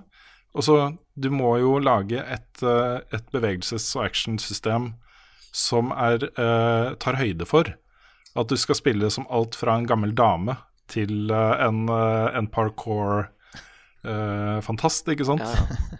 All, alle har nesten samme movesettet, kanskje òg. Ja, ja, jeg vet ikke, altså. Jeg, jeg, jeg, jeg er ikke Jeg husker jeg var så gira da du viste det fram første gang. Ja. Det var sånn, ja, dette høres fett ut. Det har jeg gleda meg til, men nå er jeg ikke der, altså. Nei, fordi er det en hovedperson i det spillet her? Nei, jeg tror ikke det. Nei, og det er litt Det- sånn Du spiller som Nigel Farage. Huff a meg. Nei, men det er liksom at eh, jeg er ikke Watch Dogs har aldri vært helt min greie, fordi jeg syns at eh, Jeg synes at liksom, Historier med hackere kan være spennende, men ikke som et gameplay-element, kanskje. Men jeg liker fortsatt liksom den ideen med at det er én person som kan gjøre ja, potensielt så mye skade, da. Mm. Uh, men det, men det, det blir liksom ikke helt det samme hvis du, har, hvis du skal kontrollere 30 andre folk, da, og ikke én bestemt person. Hvis det kanskje var en liten sånn derre Assassin's Creed Brotherhood-løsning på det. At du hadde en bestemt hovedperson, men som kanskje For jeg liker også litt det, at du kan rekruttere hvem som helst. Det du snakker om nå, er jo Watchdogs 2, Nick. Nei, Hvor du liksom rekrutterte inn noen eh, få sånne superhackere ja, vent, til det å var jo deg. det der òg! Å ja, fader, ass, det, det stemmer, det. Ja, men, men, men for eksempel at eh, Ja, men, men jeg holdt på å si vi har, ikke, vi har ikke de mulighetene nå, ikke sant? Nå må vi bare finne Nei. hvem som helst som har lyst til å være med, kan være med. Mm. Eh, Ja. To, toeren er vel det nærmeste de har, har kommet i å lykkes med den serien. Ja, jeg også syns det. Og det, det jeg likte med den, er jo akkurat de tingene hvor du kommer inn i, i kontorbygninger og, og sånne ting og skal hacke deg, hacke deg videre. Ja. Du skal hacke ting. Å være stealthy og snike deg rundt og de tingene, det er, da syns jeg den serien er på topp, da. Ja, jeg tror de ble veldig inspirert av Mr. Robot med toeren. Mm, det tror jeg også. Um, men det, jeg likte toren ganske godt, men jeg, jeg, I don't know. Jeg er litt skeptisk til den nye her. Men jeg skal, jeg- men skal ha et åpent sinn. Ja, jeg skal eh, prøve det, jeg også. Eh, Jeg glemte å nevne at Assassin's Creed Valhalla Der lekka jo datoen. Det er 17. november skal det komme ut. I hvert fall på de eksisterende konsollene ja. og på PC. Og så er da Watchdogs Legion kommer da 29. Et spill som jeg ble liksom positivt overraska over. Jeg vet ikke om jeg kommer til å spille det, for det så litt, litt for hektisk ut. Men jeg syns det så gøy ut. Det var da Hyperscape. Dette er et spill som har vært i lukka beta, som nå er i åpen beta. Du skal kunne gå på nett nå og spille det. ja, det er åpen, ja. Ok, da får da Ja, jeg, det er et Nick-spill. Ja, du, du, har liksom, eh, du har liksom Twitch-refleksene til eh, en 14-åring og kan eh, være med på det greiene der. Jeg visste ikke at den var åpen. Jeg trodde fortsatt det var closed, men da må jeg ta en liten titt. Mm. Dette er jo et, et Battle Royale. Uh, free to play Battle Royale. Selvfølgelig er det det. Ja, ja. Alle skal jo lage et sånt nå. Uh, men den, det som jeg syns uh, gjorde at det spillet skilte seg ut, var I kampsystemet så er det er ikke sånn one, one shot kills i det hele tatt. De kampene du har mot de andre spillerne, blir ganske sånn dratt ut. da Ja. de varer litt, og du må være litt taktisk, og du kan eh, liksom eh, stikke litt unna og regruppere og, og sånne ting, og så komme tilbake til fighten, på en måte. Det syns jeg var et kult grep, altså. Halo eh, nesten, da. For at, eh, Halo har jo litt sånn mer langvarige shootouts og sånn. Mm. Ja, det er sant, det. Med mindre du Um, får tak i det sverdet og kommer deg close på og sånt, da. Ja. Nei, det, det, det ser eh, kult ut. Jeg liker estetikken på det òg. Mm. Og så likte jeg at det hadde et uh, Det virka som en litt sånn overbyggende historiebit Ja. som, eh, som eh, er knytta til, eh, til spillet, da. Ja, det har, vel, det har vel Apex Legends lykka ganske mye med òg. Å ha en sånn Mm. law bak seg. Ja, men her er det mer at et faktisk sånn sted du kan reise til, da, som ligner litt på, på den uh, uh, realm-biten i Control. Å ja. Hvor du har liksom uh, et sånn alternativt univers, da, hvor uh, ting er liksom litt weird. Å ja, riktig. Sånn, ja. Ja, kult. Mm. Stilig. Så Tror- kanskje, kanskje. Tror dere Nintendo lager et Splatoon Battle Royale på noe, noe tidspunkt? Eller, for for det, jeg føler at toget kanskje har gått for det, men de burde ha gjort det. Det kunne vært litt kult. Jeg, jeg, ja, det kunne vært litt kult. Jeg tror da at, uh, at uh, Fall Guys, som jeg har på programmet for litt seinere i nyhetsspalten, uh, kommer til å inspirere folk til å tenke litt nytt på sjangeren, tenker jeg da. Fordi Ja. det er mulig å lage multiplayer-opplevelser for 100 personer som ikke er bare skyter i ansiktet, liksom. Ja, enig. enig. Uh, så du har liksom Tetris 99 og nå Fall Guys, og det er, jeg, jeg tror det er mulig å gjøre ting her også. Point and click adventure med 100 spillere. Ja, det kunne vært noe. Kunne vært noe. Um, vi har fått eh, dato på Microsoft Flight Simulator, Love it. og det er den 18. august. Som er samme dag som det norske spillet Hellheim Hassel. Um, Microsoft Flight Simulator er jo egentlig ikke mitt spill, men da de viste fram det første gang, og jeg fikk se hvordan de har gjenskapt vår egen jordklode da, eh, fra lufta, så ble jeg sånn Det her, vet du hva, det, det ser nesten sånn der meditasjons-zen-aktig ut. Å kunne fly over jorda vår på den måten. da Så utrolig vakkert det var, og så avslappende. og Det var et eller annet med den feelinga der altså, som gjorde meg veldig veldig Ja, nysgjerrig. fordi, For en liksom, grafikk òg. ja, fordi kan jeg se huset mitt herfra?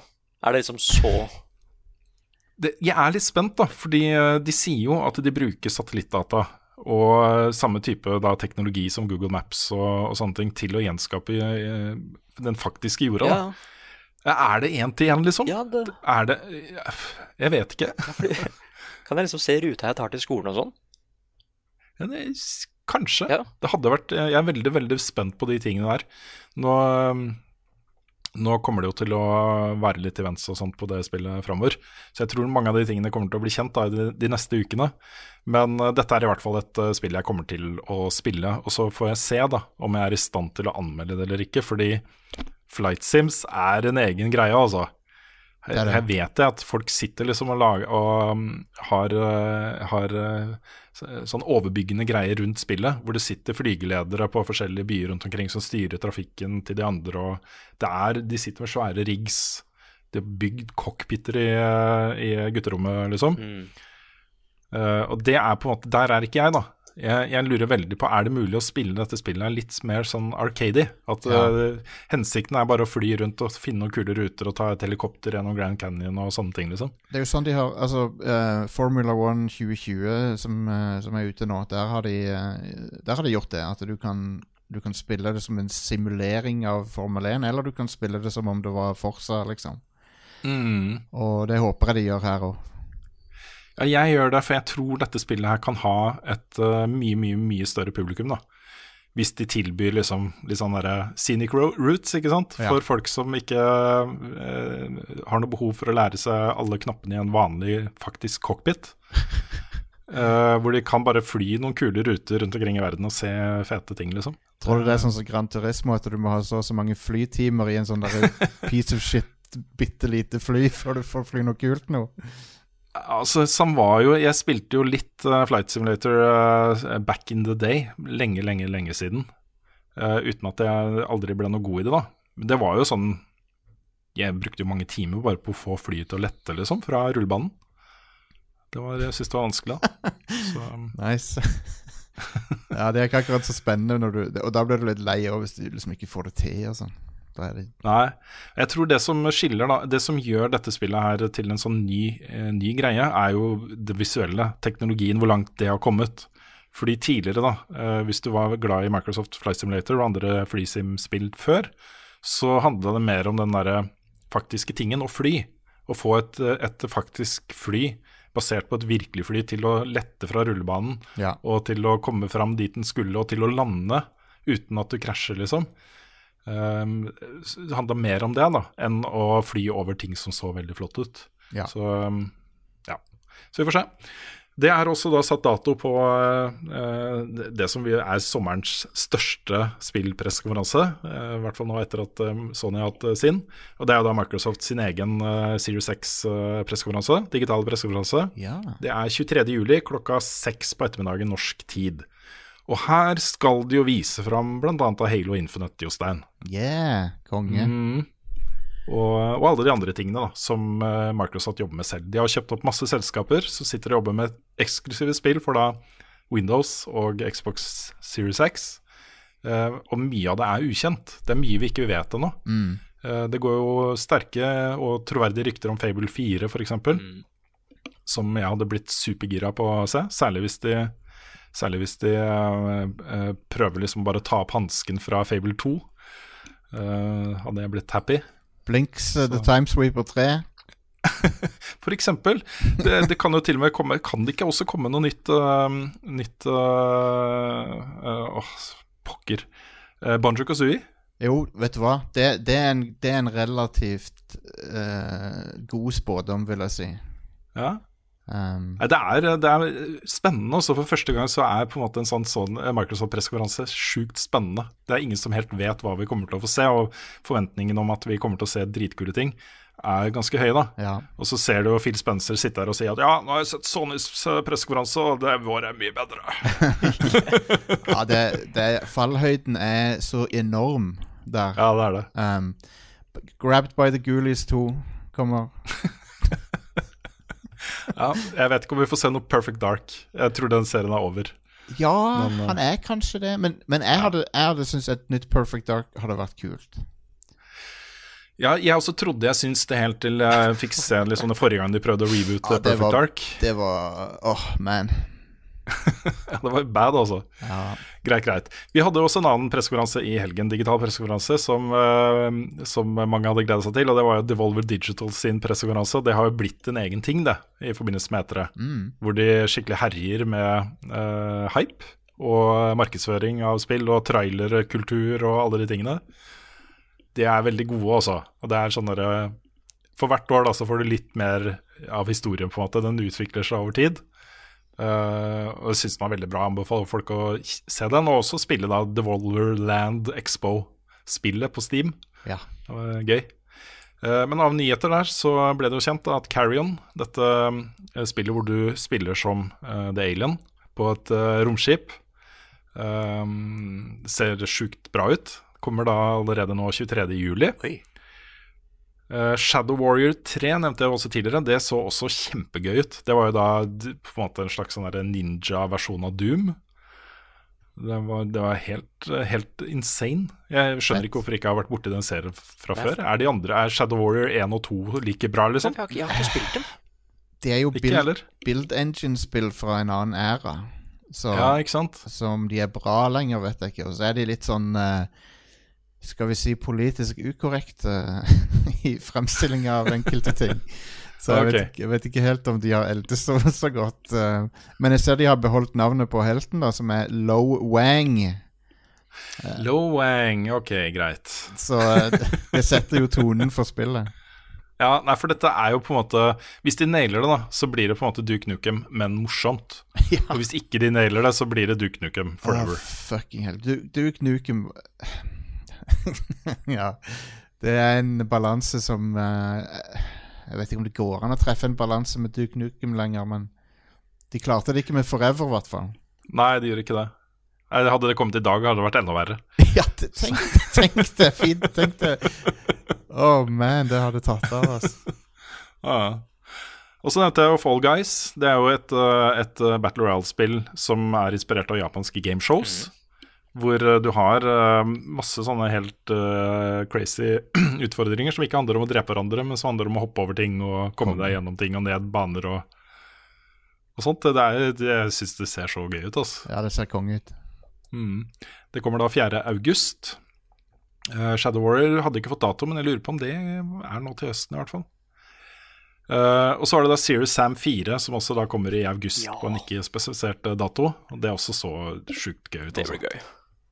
Mm. Dette er jo uh, Crow Team. De, eh, de er også litt sånn undervurderte som spillutviklere, altså. For de har lagd mye bra. Ja. Eh, og så har de en, eh, en ganske kul sånn egen identitet da, på tingene de lager. Eh, det at de har eh, fått lov da, til å lage Serious Sam 4, jeg, det er ting som tyder på at det kan bli en ganske kul opplevelse. Altså.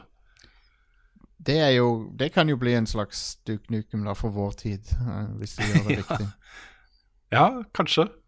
Det er eh, i hvert fall nok av fiender å slakte. Så eh, ja, det kan bli bra. Jeg tenkte bare å nevne også kjapt en liten sånn interessant eh, nugget av en nyhet som kan få store, stor betydning for eh, årene framover. Og det er at Sony har investert 250 millioner dollar i Epic Games. De har kjøpt seg inn i selskapet. Jeg tror ikke det var snakk om mer enn 4% eller noe sånt. Men betyr dette, folkens, at uh, den herre uh, Microsoft har jo Alle spillene våre kommer på PC og Xbox.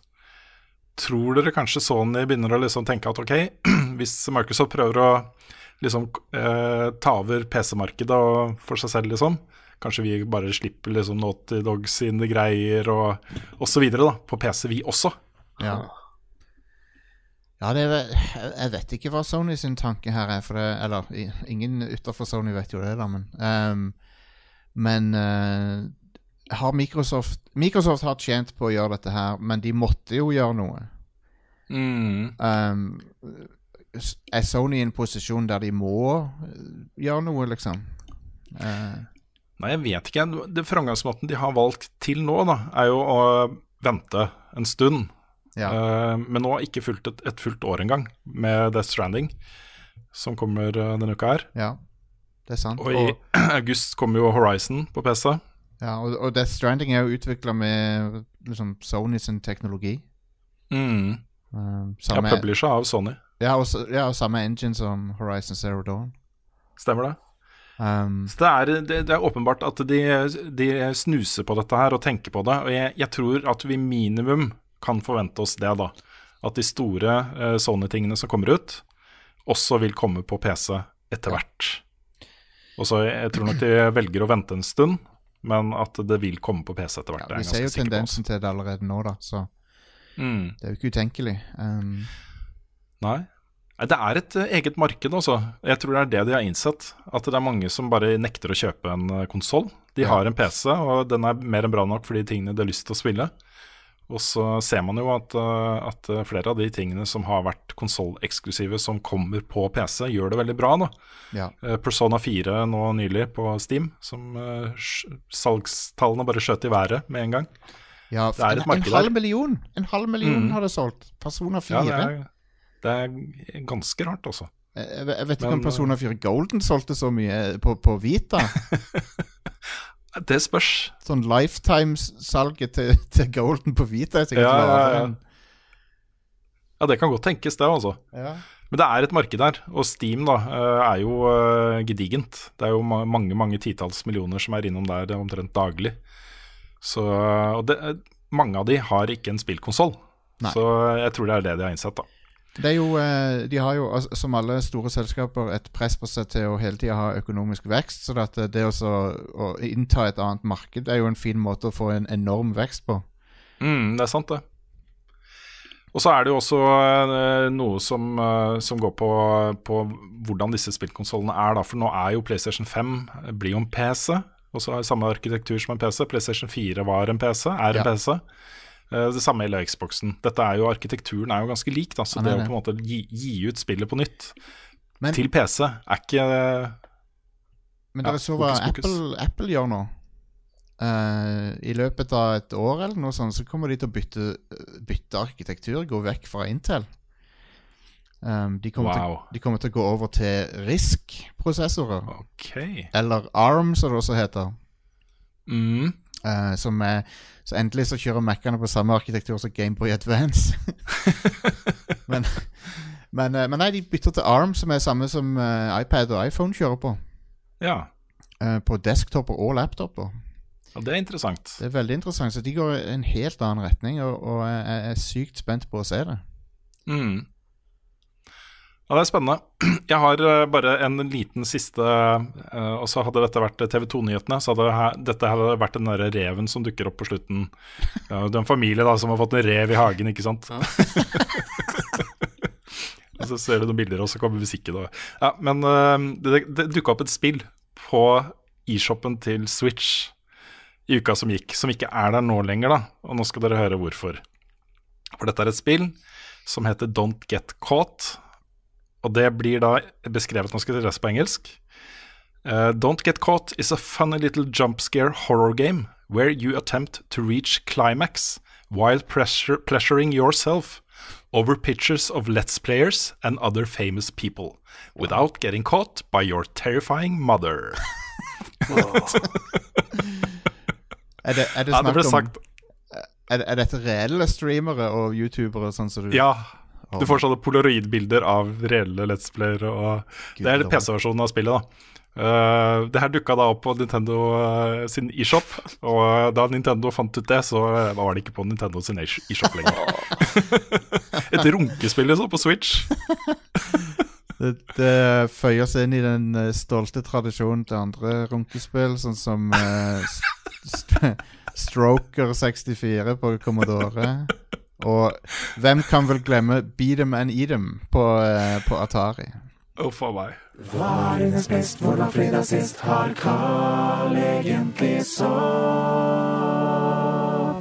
Ukens spørsmål.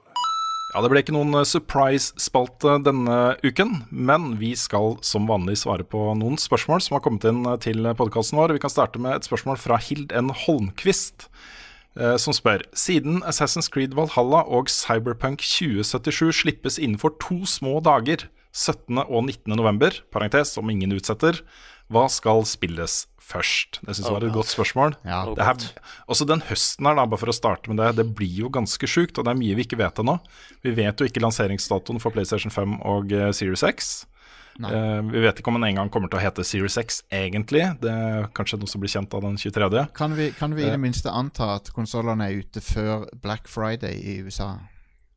Jeg tror det. Og det er vel Er det slutten av november, er det det? Eh, ja. Og det er jo grunnen til at de vil treffe den datoen, er jo fordi det er da alle, alle kjøper julepresanger i USA. Mm. Så, de, så de, jeg tror de, de er smarte hvis de sikter seg inn før det. Ja, Samtidig så har det jo også kommet rapporter i løpet av året da, at uh, koronakrisen har jo ført til eh, mangelvare på komponenter som skal brukes i disse konsollene, at kanskje ikke de klarer å produsere uh, så mange som de har lyst til Ja, den, uh, før jul. det er en grunn til at det er forhåndsbestilt PS5 nå. Allerede Ja, nå. samme her. Nei, så, så jeg vet ikke. Det kan hende at de med vilje kanskje velger å legge seg litt utenfor det der rush-perioden. Sånn at uh, Ja. eh, Siden de allikevel kommer til å selge ut alt de kommer med. Ja, Det er et godt poeng. Det har, jeg det har jeg faktisk ikke tenkt på. Men det, det er meget mulig at de gjør det, altså. Mm.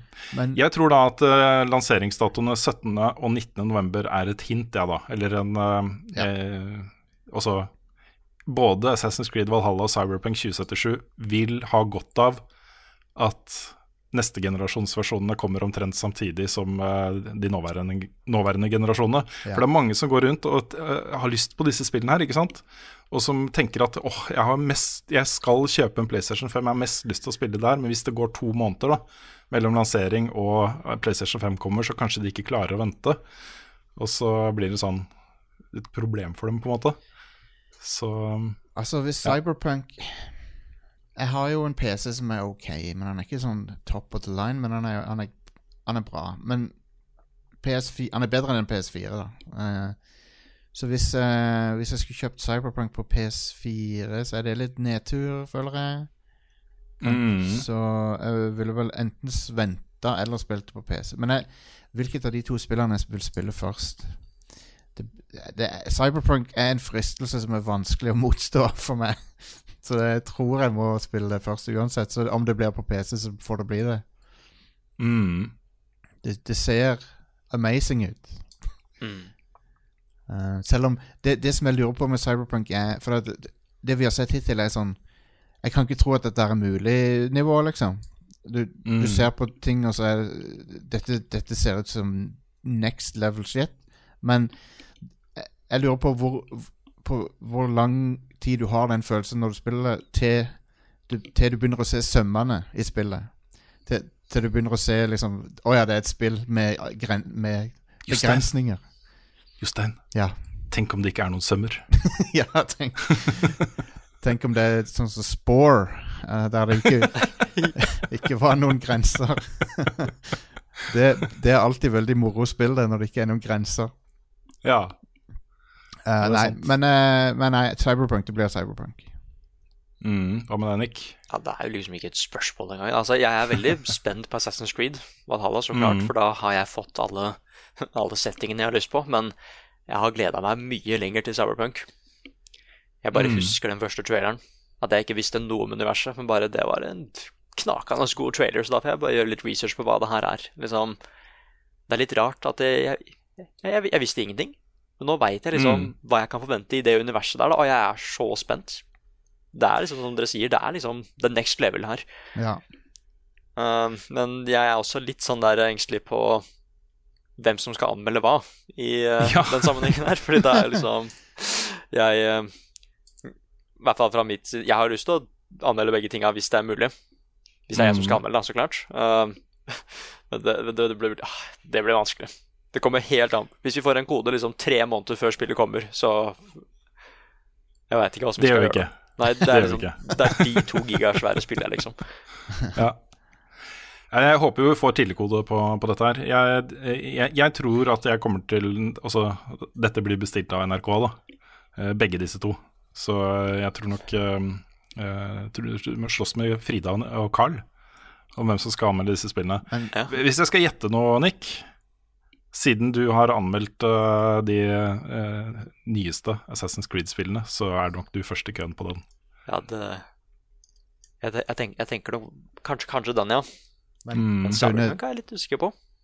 Jesus, Rune, hvordan skal du få til å anmelde de to spillene samtidig? Jeg bare håper at eh, et av de kommer liksom i veldig god tid i forveien, og så det andre kommer i litt mindre god tid i forveien. Så Ja. du kan først ta det ene og så det andre. Men dette blir, det blir kaos også. Ja. Eh, jeg må, må jo si at eh, et moment der som jeg syns er eh, veldig spennende, er Se for dere, bare tenk på utviklingen CD Project Red har hatt. Fra spill til spill, hvor mye de har lært, hvor mye flinkere de har blitt fra spill til spill. Ja. Dette er deres neste spill, etter det som mange mener er et av tidenes beste, Witcher 3. ja. Det, det, er, det er jeg sjukt spent på, altså. Og det virker som dette er et selskap som jobber mye med å overgå seg selv, da. Um, og så kan man jo feile der. Man kan jo ta liksom ting i retninger som viser seg å ikke være så vellykka som ting de har laget før. Men jeg tror, jeg tror ikke det kommer til å skje her. Jeg tror Cyberpunk 2077 kommer til å bli uh, amazing. Du, du, kan, du kan ta på deg ei kul jakke i spillet, og så har, og så har jakka stats. ja. Det er jo eh, Game of the Year bare det, liksom. Mm. Amazing. Jeg gleder Jeg, meg. jeg- jeg kommer til, jeg har allerede bestemt meg for at jeg skal uh, spille det som en hacker. Mm. jeg skal ikke drive, og- drive og skyte så mye. Jeg skal prøve å ta de pathene som de har laget for sånne som meg, da. Som har lyst til å stealthe og snike og de tingene der, liksom. Kult. Så det, ja. Men det er nok Cyberpunk 2077 som jeg gleder meg mest til av de to, jeg også. Men det er ganske close, altså. Og det er jo basert på de fantastiske opplevelsene jeg har hatt i Odyssey i, i år. Jeg spilte det jo først i år. Um, Mm. Og har blitt sjukt spent på uh, hvor de tar det nå. Du spilte som Cassandra, antar jeg. Jeg gjorde det. Ja, det, er, det er eneste måten å spille det på. Ja, jeg har hørt folk si uh, Med, med respekt til stemmes, andre stemmeskuespilleren. Hun er Mm. fantastisk. Ja, jeg, vi trenger kanskje ikke å krangle så mye om akkurat det. Men det, det jeg har hørt, er at, uh, at han fremstår så mye bedre hvis du spiller som han, enn hvis du møter han i, eh, i historien til Cassandra. Ja, Det ja. Det kan jeg, det kan jeg tenke meg. Mm. Så da var det tre av tre på Cyberpunk på den. Ja. Det, men det er jo to av høstens aller største ting, da. Uh, nå vet vi jo ikke hva som kommer til lansering på PlayStation 5 og Xbox eh, Series X ennå. Men eh, Det, altså, for alt vi vet, så kan det være enda et stort open world-spill som ikke er annonsert engang. Som, all, som Mm. kan bli annonsert, og så vil alle ha det fordi at det ser amazing ut. Vi vet jo ikke. Det kan hende det er Mm. noe Eller Banjo Kazooie, eller hva. ja. ja. Banjo 3 Nei, Brett of the 2 er jo ferdig, da. Altså, bare Kan jeg, kan jeg, bare, Ja. kan jeg bare si at Banjo Kazooie Nuts and Bolts er sykt undervurdert, og, og fikk ikke sjansen til det fortjente. Det, nå har jeg sagt det. Ja, det, jeg skal ikke motsi det, for jeg har ikke spilt det. Så nå var det tut, tutinga fra uh, Tysklandsbåten, som uh, noen kanskje hørte på opptaket her nå. Nice. Da er klokka to. Fem på to. Um, greit. Vi har fått et spørsmål her fra Raccoon som vi kanskje ikke trenger å bruke sånn veldig lang tid på. eh, men eh, han lurer, og det er sikkert andre som lurer også. Eh, og spørsmålet går på hvorfor vi sier at spill blir dyrere å lage med, eh, altså, enn de var før. da. Mm. Eh, og svaret på det er jo eh, todelt. Eh, det ene er jo at den teknologiske utviklingen er sånn at hvis du skal lage et spill som ser så bra ut som det kan gjøre, da, og det er jo mange som forventer det, ikke sant. Eh, når det kommer et nytt svært eh, Triple A blockbuster-spill, så skal det se så bra ut som det forrige Minst, da, som det forrige Triple A blockbuster-spillet du spilte, ikke sant. Uh, det tar lengre tid å lage assets til en sånn type spill. Også jo, jo mer avanserte disse verdenene blir, uh, jo mer avanserte de blir på sånne ting som AI og dialog og interaksjon med NPC-er, og ikke minst da faktiske assets, altså bygninger som lages, og våpen og uh, characters og alt mulig rart. Uh, alt det tar lengre tid å lage. Så da strekkes jo på en måte prosessen ut i tid. Uh, flere dager, timer, uh, uker, måneder, år for å få et spill ferdig. da. Uh, og så har du jo eh, De menneskelige kostnadene blir jo ek, Hva heter det? Jo lengre tid det tar, jo dyrere blir det å ha alle disse folka lønna i den perioden det tar å lage disse, dette spillet. da. Og jo flere folk trenger du kanskje. Eh, kanskje de trenger eh, en ekstra designer på eh, våpen, f.eks. Ja, ja.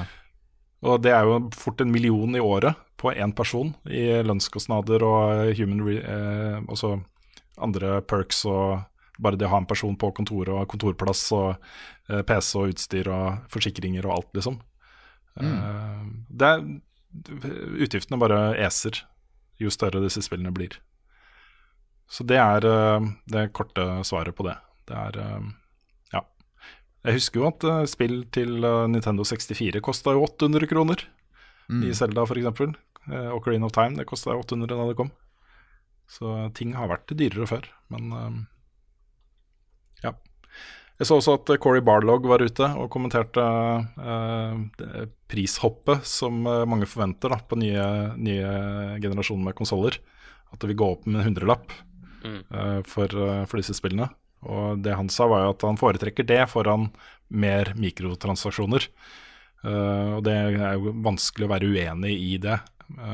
Samtidig så vet jeg at Sony har jo ikke kasta seg på de mikrotransaksjonsgreiene. Eh, virker nesten som av prinsipp ja. at de ikke ønsker å ha det. Så I don't know. Det som er tingen med disse spillene, her er jo at man sitter jo i tre, fire, fem, seks, sju år og lager dem. Og det er jo en ren investering. Man har, man har jo ingen garanti for at uh, spillet kommer til å bli bra når det er ferdig. At folk kommer til å kjøpe det. At det kommer til å selge godt nok til å tjene inn den investeringen. Det er sant. Så um, ja, det er mange faktorer her, altså. Det er jo uh, enda mer risky enn å lage film, for at det, utviklingstida er jo som regel mye lenger enn å, å lage en, en filmproduksjon. Mm. Så det Ja, det er det. Yes, vi har fått et uh, herlig spørsmål her fra Otto Erlend Gregersen, som jeg er spent på svaret ditt, uh, Jostein. Jeg så det. Hva synes onkel Jostein egentlig om Ronald McDonald Erotica? Det jeg syns om det, er at du, du bør ikke google det. Det er det jeg syns om det. Aldri google Ja, okay. den setningen. Nei. jeg, har, jeg hadde ingen planer om å gjøre det heller. Nei. Nå, når du sier det på den måten, så får jeg nesten litt lyst da, Det til å et gjøre det. hot tips fra, fra meg. uh, og hvilket, eh, det er også fra Otto, dette her. Hvilket Megaman-spill til NES ville dere testet en randomizer av? Tre. Oi. Treeren. Ah, jeg, har- jeg har ikke spilt det her nok. Megaman. Nei, ikke jeg heller. Um, Så, Fins det, finnes det randomizer i Megaman? Det, det høres bananas ut i så fall. Men det hadde vært artig å prøve. En randomizer er da, for de som ikke kjenner til begrepet, det er jo et, eh, en slags mod da, av et spill hvor eh, items og bosser og alt mulig rart bare byttes om og blir random. Du spiller gjennom, og så er det tilfeldig da, hvilken rekkefølge du møter på ting. Ikke sant? Mhm, Det er helt Ja. riktig. Og Zelda har jo blitt veldig populært innafor det der. Uh, Ja, og Dark Souls. Link to the Past, um, randomizer og sånn. Mm. Har uh, dere funnet noen spørsmål som dere har lyst til å svare på? Jeg har et litt morsomt dodge. Ja. Eh, Det er fra Hans Petter Hva- Vaskor, Vaskor, Vaskor Mhm. som spør hvilke spillmekanikker liker dere minst? Oh. Ah. Ja. Jeg kan, kan jeg først si en av de som jeg liker best, og, det, er- og den er veldig under, underbrukt. eh, Og det er den eh, active re reload-mekanikken fra Gears of War. ja, den Ja, er fin. Den er kul. Uh, og uh, Nio 1 og 2, de, de bruker den. Uh, Ja, det er noe av det samme her, for du, du mm. gjør en kombo, og så må du time et sånt knappetrykk for å få energien tilbake. Så det er basically sånn som active reload. Men han spurte jo hva vi liker minst. Men jeg er så positiv at jeg måtte si hva jeg likte best. Ja, Da må jeg nesten si den der active reload-mekanikken i Gears of War. Du liker Nei da. Um, Jeg digger den. jeg digger den, jeg digger den. men, eh, men ja, hva liker dere minst? Hmm, jeg prøver å tenke. Jeg liker best Ragdoll. Der er den. Eh, Men eh, det, det jeg kanskje liker minst, er eh, Det er jo ikke egentlig en spillmekanikk, men når du spiller et førsteversjons skytespill, og headshot ikke dreper, Ah. det er en sånn ting som Altså, jeg, jeg skjønner jo at det er forskjellige stats på våpen og sånn, men uh, hvis jeg f.eks. bruker en shotgun, og ett av de skudda treffer, treffer hodet til en, liksom, da er det jo ikke Er ikke det instakill, det, da? jo, det burde vel kanskje Burde være det. Ja, det det er, det er til og med en sånn fiende i Last of Us som tåler et headshot. altså, nei, men, men hva er ikke minst? Kanskje Invisible Walls? Bare liksom, Her har ikke vi lagd en smart måte på hvorfor du ikke skal videre, liksom, så her har du bare en usynlig Mm. vegg. Ja, da er Ja, kanskje det- den. Jeg tenkte på det samme, fordi jeg, det jeg satt og tenkte litt på, var den derre Ok, den boksen her er liksom én millimeter for høy til at du skal kunne klatre over den. Type ting, da. Og så Ja, det, det er stupid når du, når du har noe som er sånn hoftenivå, og så kan Ja. du ikke gå over det. Ja. Det syns jeg er litt weird, altså. Um, Og det er en sånn, sånn um, uh, immersion breaking-ting for meg ofte. Hvor, uh, hvor det blir liksom bare gående ned en path, da. Som uh, er begrensa på litt sånn tullete måter. Mm. Det, det syns jeg ikke noe særlig om. Det, det, da må spillet ellers være dritbra, da, for at jeg skal akseptere det, liksom. um, uskippbar dialog. Så, I hvert fall på spill der du har allerede runda det. Ja, da er jeg helt enig med deg. Og jeg, blir så glad hver gang jeg ser uh, at du på andre playthrough har muligheten til å skippe dialoger. Ja. Så, for jeg begynte jo på nytt med Death Stranding, f.eks. Å ja, ja. Og det ble jo et mye, mye kortere spill enn første gang, fordi jeg så ingen dialoger lenger. Ja, lord. Det, det Det var samme med The Last of Us. Nå har jeg gått og leita etter collectibles. Da kan du gå tilbake på kapitler du har fullført, ikke sant, og leite etter de collectiblene du har missa. Ja, men Naughty Dog er alltid sykt gode på det der. Mm. Eh, de, de er gode på mange ting, men, men Uncharted da har de da veldig bra sånn re replayability. Mm. Um, så, men ja eh, Enkelte eh, Rockstar-spill liker ikke skytinga på så godt. Eh, GTA 4 og 5 og sånn. Jeg, jeg, jeg spiller, spiller de spillene på tross av åssen skytinga føles. Mm. Um, Jeg hadde mye krangler med folk i uh, forumer og sånt, med GTA 3 og San Andreas og Vice City. ja. Fordi combat-systemet der er pyton, syns jeg. da ja, i, vatt, i de Um, spillene i hvert fall. Ja, Jesus. Ja, så jeg klarte altså jeg, jeg, jeg skjønner jo at folk uh, mente det var sånn terningkast seks uh, best ever-spill. Mm. Men uh, jeg kjempa så mye mot, uh, mot et skytesystem som ikke helt funka, da. Ja. At jeg klarte ikke å nå helt opp dit. Så jeg ga alle de en femmer, liksom, istedenfor en sekser. da. Yeah. Nei, men det er uskipper dialog er nok det jeg liker minst å se. We, ha we hate to see it, som de sier på nettet. Mm. Ja, jeg er litt enig. Um, I hvert fall andre gang du spiller gjennom. Ja. Andre gang du ser den, så må det være mulig å skippe den. Ja, enig. Um, Tobias eh, spør morsomste spillkarakter. Sånn, sånn, som, ja, sånn som du ler av, sikkert, mener han. Sånn, noe som er genuint morsomt. En karakter. Fins det? Ja, min favoritt er Glottis fra oh, ja, ja. Grim Fandango. Han er hilarious. Ja, virkelig, altså. Det, men, men spill og humor det har alltid vært en sånn Det er veldig få spill som klarer å være å, genuint morsomme. Mm. Det er veldig vrient. For at du har Ja, det er vanskelig. Du har ikke regien på timinga. Altså, du overlater spilleren Overlater det til spilleren og den timingaspektet av det. Så, du, du har, Mm. så de som har skrevet vitsen, har ikke en garanti for at han treffer, for at de har ikke regien på.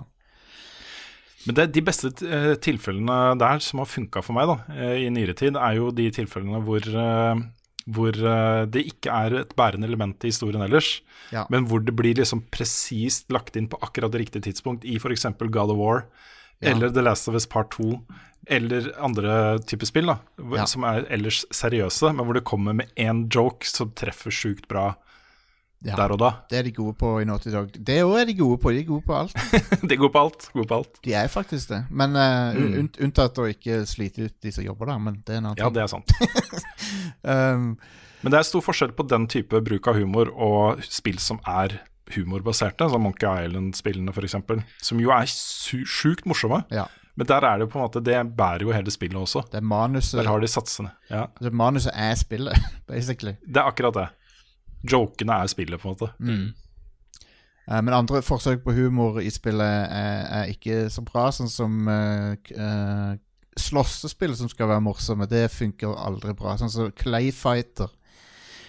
Eller, eller liksom sånne, så, Spill som skal være wacky. Det, Mm. det er sjeldent veldig morsomt. Det skal litt til, altså. Men ja, Um, jeg, jeg bare syns det er interessant med humor i spill, eh, og eh, hvem som får det til, og hvem som ikke får det til. Men Naughty Dog får det til fordi at eh, nettopp av det du sier, Rune, at de, er, de, de klarer å liksom snike det inn uh, og time det bra. Snatch Brandys Cooch. ja, den, den, den var Der lo jeg, altså. Um, det, det tok et sekund før jeg tok den, og så lo jeg. Veldig bra. Så er mild ja, Jeg- din Nick. Jeg tror det må være Handsome Jack, altså. Bare oh, ja? fordi Mm. Ja. jeg, jeg syns bare liksom hele det konseptet der er så morsomt med at liksom du er superskurken, liksom, men du har heltene sin nummer på speed dial. Så du ringer bare stadig inn bare for å se hva de holder på med, og ja, si hvor bra dagen din har gått, og Eh, Og så er jeg bare Jeg er veldig glad i de skurkene som er skikkelig skjeppehøye, liksom, men som blir Ja. sinte når du liksom ødelegger for dem. Mm. At de aldri sånn bare 'Å, du har ødelagt en ting, men jeg vinner fortsatt'. altså, jeg jeg syns det er så kjedelig. Det er mye mer morsomt når de faktisk blir skikkelig irriterte. Hvis du gjør noe Ja. gærent. ja, det er kult. Um, altså, du har liksom en som bare konstant trashtalker spilleren gjennom hele spillet. Um, og det er liksom det jeg mangla så mye av Borderlands 3, for du hadde akkurat det samme, men de ble aldri sinte, eller noe sånt. De prøvde å være Mm. veldig veldig morsomme. Ja, det var Borderlands 3 bommer på en del ting, syns jeg, som uh, blant annet tonen uh, var litt off. Mm. Et eller annet som ikke var Det føltes ikke helt sånn som toren, men, men. men. Um, Jeg husker også eh, Jeg har ikke spilt uh, mer enn uh, litt av det spillet selv, Nick. Men det er jo et av dine favorittspill. Nier Automata. Ja. Den sekvensen med de robotene som fremfører Romeo og Juliet. Det er, det er humor, altså. Det er kjempegøy. det er humor, og så er det litt sånn melankolsk. Mm. For det hele spillet er veldig melankolsk. Um, ja, Nier Automata syns jeg er fabelaktig. Mm. Jeg tror vi skal la det være, med mindre dere har et spørsmål til på lur som dere har lyst til å svare på. At vi kan eh, Nei, vi, vi, vi har svart på så mange spørsmål gjennom hele podkasten nå, vet du. Ja, ja. Ja, jeg pleier å Når jeg har ansvaret for de tingene, så pleier jeg å hente inn relevante spørsmål. ja. Det er vel der det passer inn. Det er konge. We like it. Ja. Det er bra jeg får uh, tommel opp fra podkastvert uh, Jostein Hakestad. Absolutt. Nå husker jo ikke jeg hele den der eh, rulletekststikken som Frida har memorisert, men jeg kan prøve. Ok. Eh, Jeg vil i hvert fall starte med å takke deg, Jostein, for Jo. at du ville være med oss. Det var veldig, veldig hyggelig. Al alltid gøy. Og, eh, og det, det er givende for meg å være med på, og jeg håper eh, folk liker å høre på det òg. Det gjør det helt sikkert. Og jeg er også helt enig med deg. Jeg syns det er kjempegøy å være gjest i andres podkaster. Ja, det er gøy. For nå skal jeg til Stavanger noen dager. Hint, hint, eh, Jostein. Ja, det vi, må se, vi må få til noe. Du er hjertelig velkommen. Hjertelig velkommen, faktisk. Så, så vi må få til noe. Jeg jeg er mest sånn at jeg har em, Visste ikke om du hadde tid, eller om du kom ned. Men hvis du nå melder deg, så er du selvfølgelig Så må du jo være med. Hvis jeg får en invitasjon, så kan jeg ta den videre til sjefen og be om tillatelse Konge. Og så er det hun som bestemmer, da. Det må jeg bare få sagt. Så hvis hun sier nei, så blir det ikke noe. så spiller du på henne. ja ja, nei, men også noen ganger har det kanskje redda meg. Men uh, det er litt sånn, når jeg er på ferie med familien min, ja. og kona sier at hun ikke syns det er noe kult om jeg stikker uh, og nerder Jeg fikk jo ha, fått lov en annen gang. Det var jo en gang som vi var på ferie i Stavanger, og så dro jeg til uh, den sjukt varme leiligheten dere var i. Ja, men helsike. Nå, nå har vi en kjøligere leilighet. Men, Ja, er men vi har òg et studio, så det blir sikkert der. Mm, ja, men det er kult. Vi får se. Gi beskjed, og så uh, tar jeg det videre. Konge. Uh, prøver. Men uh, Level Backup er i hvert fall en podkast som er utgitt av moderne media. Um, skal vi se, hva mer var det? Jo, musikken, uh, låten uh, vår, Level Up-låta, for det her blir bare tull også, er skrevet uh, uh, av Ole Sønnek Larsen og fremført da, her i podkasten av fantastiske Kyoshu Orchestra. Um, vignettene er laget av uh, herlig, herlig Martin Herfjord. Um, vi har uh, andre ting enn podkasten. Vi gir ut masse videoer og greier på YouTube-kanalen vår, Level Up Nord. Vi har også innimellom livestreams på uh, Twitch TV slash Level Up Nord. Og denne uka her prøver jeg å få til en liten Ghost of Tsushima-stream. Enten da på torsdag kveld eller eh, fredag en eller annen gang. Vi får se. Nice. Um, vi eh, eksisterer ene og alene, nesten, da. eh, fordi eh, rundt 1000 mennesker backer oss på Patron og har gjort det nå i eh, mange år. Det er eh, derfor vi kan lage disse tingene som vi lager. Det er eh, helt sjef at så mange velger å bidra. Sånn at vi kan fortsette å lage podkaster og anmeldelser av de kule spillene som kommer, osv. Så, videre.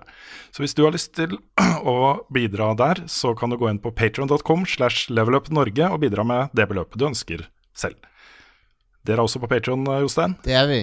Patreon.com slash radcrewpodcast. Hvis du har lyst til å, eh, til å slenge oss noen eh, kroner, så skal du også få noe igjen, for vi har en eh, eksklusiv uh, podkast. Det er litt det er litt sånn som å gå inn på Airport Loungen eh, i podkastform. Mm. Men nå må dere, må dere betale Må de som støtter dere for å få tilgang til det, også nå betale MVA? Ja, jeg tror det for det. eh, For det er Patreon plikter og Akkurat som Steam måtte gjøre for noen år siden. Sant? Mm. Så, så Ja, for vi har en sånn herre Vi har diskutert masse fram og tilbake, for de tingene vi tilbyr da til backerne, er ikke så spissa som det. Dere får en egen podkast-type ting. Ja, stemmer. Så vi er litt usikre på Ja, vi får se hvordan det utvikler seg. Men, jeg, jeg tror, jeg tror eh, Så, så Patreon, i hvert fall i vårt tilfelle, de plikter å rapportere Altså, det, å rapportere plikter de uansett, men, men Mm. å, å kreve inn tror jeg de plikter å gjøre for, for, for oss. ja, det var nytt nå i juli. Ja. Um, Mm. så, ja, så det er liksom 5 dollar pluss 25 hvis du Ja. Men in, in, ingen har quitta hos oss av det, så det, Ja, det er setter vi veldig pris på. Vi gikk gjennom alle tiers, vi, Jostein. Og fordi man kan jo sette opp hvor stor andel av beløpet som er støtte, og hvor stor andel som er for å få tilgang til den podkasten. Ja. Det, og så bestemmes uh, MVA-en basert på det. da. Så oh, hvis det 10, pr- 10 av beløpet ditt er ment fordi du har lyst til å få den podkasten, mens 90% er fordi du har lyst til å støtte Radcrew, Ja. så skal du bare ha MVA 10% Jostein. Du må bare sjekke ut de tingene her. Ok. Skal, Mm. skal, sjekke, skal sjekke det ut. Vi vil jo ikke at folk skal betale for mye. Nei, det er akkurat det. Det skal være reelt. Ja. Det her er den siste vanlige uh, podkasten før uh, det blir en liten sommerferie. Nå er jeg ikke sikker på hvor lang den blir. Neste uke så har vi på planen en uh, Final Fantasy 7 spoiler-cast. Den er vel du med på, uh, Nick? Ja, det stemmer. Mm. Nice. Der snakker dere bare om remaken, ikke sant? Ikke noe særlig om uh, originalspillet. Mm. Mm. Så det er deg og Carl og Frida. Er det flere? Nei, det er bare oss. Ja, det holder i massevis, det. Og så er uh, Carl tilbake fra ferie etter hvert. Uh, jeg kommer tilbake i midten av august, så det er mulig at det blir en uke eller to da, hvor det ikke kommer podkast, men vi får uh, se. Det er lov å ta pause. Det er lov og viktig å ta pause innimellom, så sånn er det bare. Takk til alle som har hørt på denne gangen også, og så høres vi igjen en eller annen gang snart.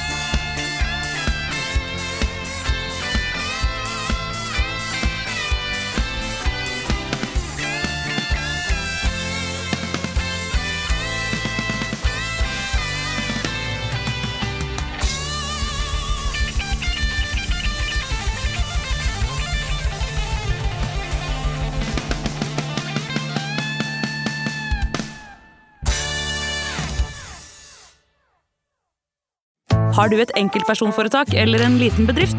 Da er du sikkert lei av å høre meg snakke om hvor enkelt det er med kvitteringer og bilag i fiken, så vi eh, gir oss her, vi. Fordi vi liker enkelt. Fiken superenkelt regnskap.